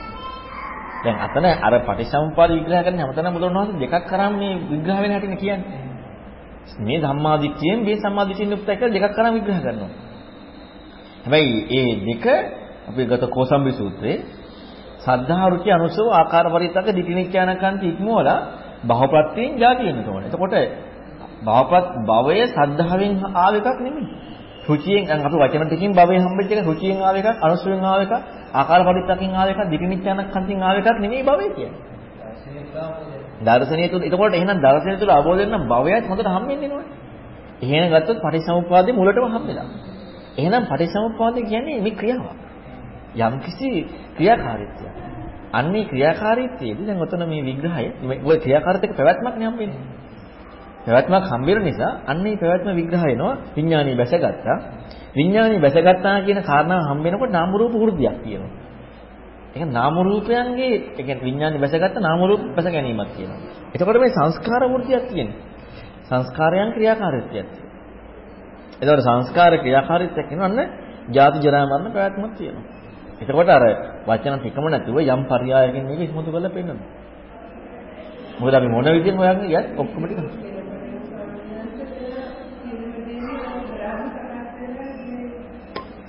ඒ කියන්නේ ඒ දැන් මෙහෙම එකක් කියනවා. අපට මේ එහෙම කියන්න බැද්දි. මොකද හේතුව පටිසමුප්පාදේ ප්‍රත්‍ය කියනකොට විදුරු යෙදෙන්නේ නැහැ. පටිච්චසමුප්පාදයේ ප්‍රත්‍ය හම් වෙනකොට වීදුරුව යෙදෙන්නේ නැහැ. හැබැයි වීදුරුව යෙදෙන්නේ පටිච්චසමුප්පාද ප්‍රත්‍ය හම්බ නොවෙච්ච නිසා. එහෙනම් මේ ප්‍රත්‍ය හම්බ වෙන අපිට අපි නොදැක පටිච්චසමුප්පාදයේ ක්‍රියාත්මක කියලා වීදුරුව යෙදෙනවා කියන කාරණාව ගැලපෙන්නේ. ඒ කියන්නේ අර පටිච්චසමුප්පාදයේ කියන කාරණාවත් ඒකට අපිට යනවා මේ දෙයක් බවට. ඒ කියන්නේ විදුරුව දකිනකොටම පටිච්චසමුප්පාදයේ අංග 12ම ක්‍රියාත්මක වුණා කියනකොට අපට අර පටිච්චසමුප්පාදයට අපි නොදක කියන්නේ අපි නොදකපු වෙනම දෙයක් හැටියට. පටිච්චසමුප්පාද කියන්නේ දර්ශනයක්. එතකොට ඒ දර්ශනීය නොදකපු නිසා විදුරුව තියෙන්නේ. දර්ශනීය දකිනකොට විදුරුවයි දෙන්නේ.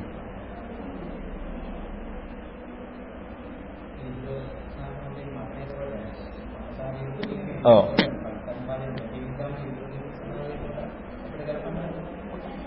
ඒකමයි. ඒ පටිසම්පාද කියන්නේ දැක්මකට මිසක් ඔය තිය තියෙන දෙයකට නෙවෙයි.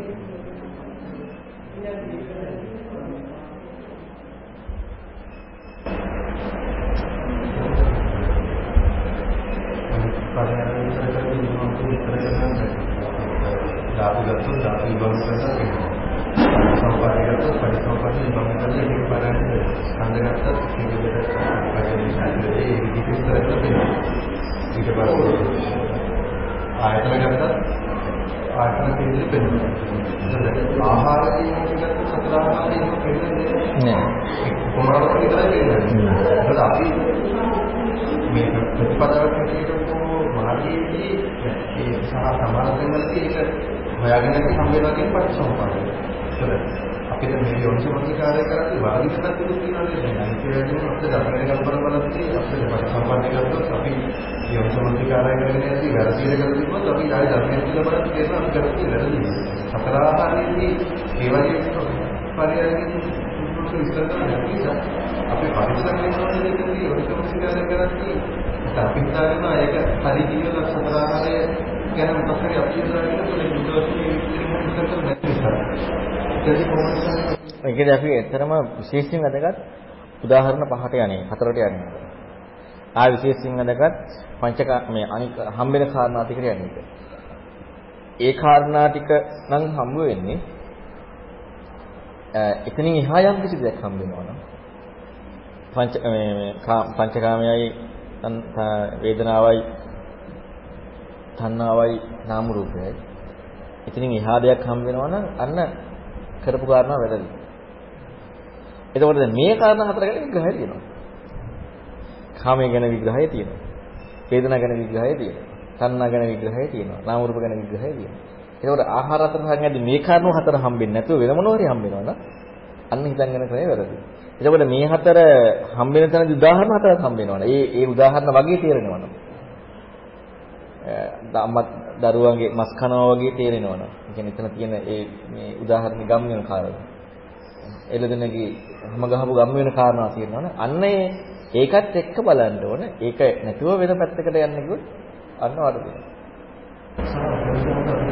ආරණ්‍යයට සම්බන්ධ කරගන්නකොට අපිට සතරාරාණ්‍ය සම්පූර්ණයේ ඒක පත්‍යත් එක්ක සම්පූර්ණ වෙන දැනත් එක තනක් නේද අපි නිවැරදි වැරදි කියලා තීරණය කරන්නේ. සංහාවෙන් පස්සේ මත ගන්නවා කියොත් අපිට ඔය දෙක ඒ සත්‍යපත්‍ය උපන්න විදිහට හම්බුනේ නැත්නම් ඒක අපි වැරදි කියලා. හ්ම්. සාමයේ කරලා දැන් ඊකාරේ ඉඳලා ඊකාරයෙන් හොඳට කියන අම්බෙන් කාරණේ අත්දැකීම් කලින් දැන් යම අවබෝධනා කියලා කියනවා ඒකත් අර කාරණේ හම්බෙනවා ඔව් ඇත්තටම අර කියලා හැදුන්න යම් කරුණු ටිකක් තියෙනවානේ. ඒ කරුණු ඔක්කොම එක්ක යමුන හමුන්න ටික ටික මෙහෙන ගත්තකට යනවා. හැබැයි ඒ ඔක්කොම එක්ක නැතුව අර දැන් අපි ඇත්තටම ගත්තොත් පංචපාස්කන්ධය තේරුණා කියන එකත් වැරදි. නමුත් අර ආහාර අතර කියන කාරණාව පොඩ්ඩක් තේරෙනවා කියන කාරණාව වැඩි. ඒකේ ප්‍රධානම කාරණාව කබලින්කර ආහාරය. දැන් අර කරුණු හතරෙත් අපි ගත්තොත් මේ පටිසම්පාදේ වුණා ආයතන ක්‍රියාකාරීත්වය මම අර කිව්වේ දැන් ඇහැට ලැබිච්ච රූපය සහ ඇහැර පුඤ්ඤාන එකතු වීම පරයය දෙකක්. ඇහැට ලැබිච්ච රූපය සහ ඇහැර පුඤ්ඤාන එකතු වීම කියන්නේ පරයය දෙකක්. එතකොට අපි ලැබිච්ච රූපෙට ඇහැර පුඤ්ඤාන එකතු වීම දැම්මොත් වැරදියි. එකයි චක්කු සම්පස්සයයි ආයනිකම ගන්න රූප සම්පස්සය. චක්කු සම්පස්සයයි රූප සම්පස්සය. රූප සම්පස්සය පුදුරනාස් විග්‍රහ කරනවා. එතකොට එහෙම බැලුවොත් මේ අපට ලැබුණදී අර සංහාවත් එක මනෝ සංචේතන ආහාරයක් ක්‍රියාත්මක වෙලා ලැබිච්ච දෙයක් තමයි ලැබුණේ. ඒක රූප සම්පස්සයක ක්‍රියාත්මක වෙලා තියෙන්නේ. ඇයි? චක්කු සම්පස්සයේදී මම ස්පර්ශ කරන දෙයක් නේ. මම මගේ හැර රූප ස්පර්ශ වුණා නෙමෙයි. ඒක රූප සම්පස්ස රූප සම්පස්ස තල්ලන්න බෑ අපට හරියට. ඒ කියන්නේ අපට ඒත් හම්බෙන්නේ කෝපෙන්නේ. ඒත් හම්බෙන්නේ කෝපෙන්නේ. එතකොට අපි හම්බෙච්ච රූපය හම්බෙච්ච රූපය මොකද්ද කියන කාරණාව අන්න මනෝ සංචේතනාවක් එක්ක රූප සංචේතනාව පාදක වෙලා රූප සම්පස්ස ක්‍රියාත්මක වීමත් එක්ක මනෝ සංචේතනාව තුළින් කාම්බෝයි බව තණ්හාවත් එකයි මේ පැවැත්ම හම්බුනේ. ඒතර පැවැත්ම. මේ මේ මේ ඇහත් එක්ක ගත්තාම කනත් එක්ක ගත්තාම එද විතරක් කරන ඒවා ඉතින් ඒ අර මනෝ මනෝ මනෝ මේ මේ මේ ඔව් ධම්ම සංකේතනාව අරක මනෝ සම්ප මේ මේ මනෝ සංකේතනාව කියනකොට මේ පෙනිච්ච රූපය කියන කාරණාවක් එක්ක ඊට පස්සේ මේ මෙන්න මේ විදිහට අපි දැන් ස්පර්ශය දැන් ස්පර්ශයක් අපට හම්බෙන කාරණාවක් තියෙනවනේ දැන්. දැන් අපට ස්පර්ශ තේරෙනවනේ. ඒක තේරෙන කාරණාවක් අපට තියෙන ස්පර්ශය. හැබැයි තේරෙන මගට හම්බෙන්නේ නැහැ තේරෙනවා කියන. හැබැයි ස්පර්ශ තේරුණා නම් හොතපන්නයි. නමුත් අපට ස්පර්ශය කියලා තේරෙන්නේ. එහෙනම් ස්පර්ශය කියලා අපට තියෙන පැවැත්මක් එක්ක. දැන් අපට තේරෙනවා ස්පර්ශයෙන් බේරෙන්න බෑ කොහෙන් ගියත් කියන කාරණා. අපට යම් ප්‍රමාණයක් ඒක තේරෙනවා.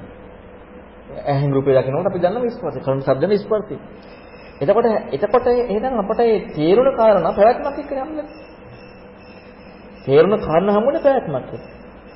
එහෙනම් මේ ස්පර්ශයේ ක්‍රියාකාරීත්වය එක්ක අපට හම්බෙලා තියෙනවා කාම් භාවි භව තණ්හාදී සියලු දේ. හැබැයි මේ ස්පර්ශය ආහාර පැවැත්ම වලට ස්පර්ශයක් හේතුකුත් කියනවා. ස්පර්ශ ආහාරය ඇති වෙන්න හේතුකුත් ස්පර්ශය කියනවා. ස්පර්ශ ආහාරයට හේතුව තණ්හාව, තණ්හාවට හේතුව වේදනාව, වේදනාවට හේතුව ස්පර්ශය. එතකොට එහෙම ගත්තාම මේ අර පුජ්‍යලයේ මැදිහත් වෙලා අපට හම්බෙන කරුණ. ඒක හරියට හොයාගෙන යම එකරගේ මුල්ම ටික මේ ආහාර අතර කියන්නේ ඇත්තට. ධර්ම මාර්ගයේදී අපට මූලිකවම හම්බෙන කාරණාවක් ඒ කියන්නේ අපිට පැවැත්මක් එක්කනේ හම්බෙන්නේ. දැන් බුදුරණවහන්සේ පෙන්නපු පරයය තියෙන්නේ පැවැත්මක් යුක්ත කෙනෙකුටනේ. එහෙනම් පැවැත්මේදී හම්බෙන පරයය.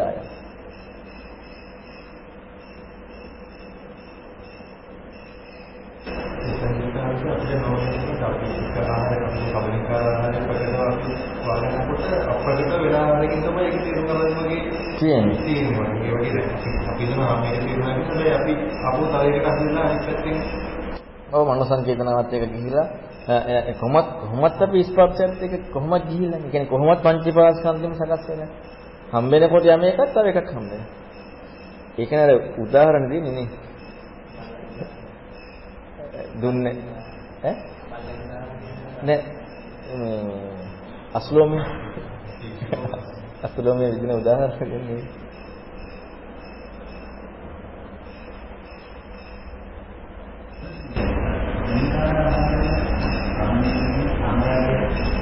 පිළිසලකින් සාමාන්‍ය කරන්නේ අනාගාමී ප්‍රස්තාව එතනදී අනිත් ආකාරයෙන් පිළිසල දෙකක් නැහැ. මොකද එතකොට අසමාන්‍ය වශයෙන් වීදින මනියනාදීන ඈ වෙනසින් දැකලා නැහැ කියන්නේ ඒවත් හම්බ වෙනවා. නමුත් එයා හොයන්න ප්‍රකටලා හම්බුනේ කබලින් කර ආහාරය. එකට තියෙන්නේ. අනිත්වත් හම්බ වෙනවා.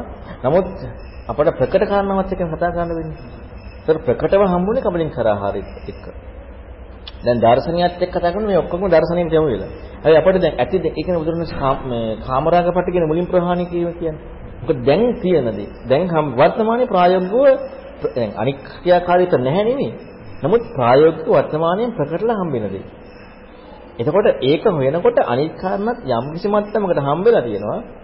නමුත් හරියටම හම්බුණා නම් ඒක ඊළඟට අර එකයි මේ කබලින් කරාහයට වඩා ප්‍රකට වෙන්නේ මනෝ සංචේතන ස්පර්ශ ආහාර ඊට පස්සේ. මොකද ඒ සියුම් දෙයන්නේ.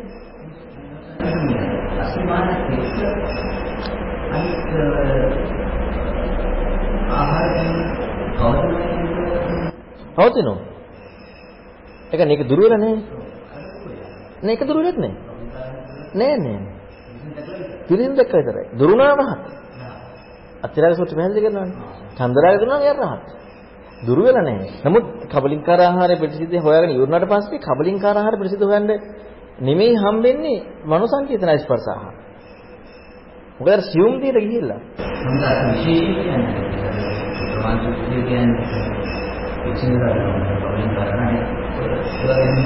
ඔව් අනික ඒක කියනවා. ඒවයි කියන මනෝ සංචේතනාව පිළිසින් දැක්කොත් අන්නාව හම්බෙනවා. ඒතර ඒවා එකින් එක වෙන් වශයෙන් යනකොට අරක හම්බෙනවා. ස්පර්ශයේ පිළිසින් දැක්කොත් මේ වේදනාව හම්බෙනවා. ඒතර ඒ වගේ තේනේනම තියෙනවා. හැබැයි අරකෙදි අරහත්ත්වය කියන්නේ නැහැ. අනාගාමිතරයි කියන්නේ. මොකද ඒක කියන්නේ ඊළඟට ඒක ප්‍රකට නැහැ. ඒක ප්‍රකට වෙන්නේ නැත්නම් ඊට වඩා ප්‍රකටයි සියුම් වෙච්ච ස්පර්ශ මනෝ සංකේතන විඥාන. අරකින් කාමයේ ඉක්මුණානේ. කාමයේ ඉක්මෙච්ච නිසා වීදුරුව කියන කාරණාවක් අය මැනීම නැත්තම් අය මොක වීදුරුවක් එක්ක මේ කතා කරන්න දෙයක් නැහැ නේ. ඒකට අපිට තියෙන්නේ මනෝ සංකේතන ආදී. හැබැයි වීදුරුව කතා නොකරට මේ ලෝකේ යමක් හම්බුනේ අසරූප විඥාන එකතු වීමත් එක්ක. එහෙනම් අසරූප ස්පර්ශය එකතු වෙනවා ස්පර්ශය ඇති වෙනවා නම්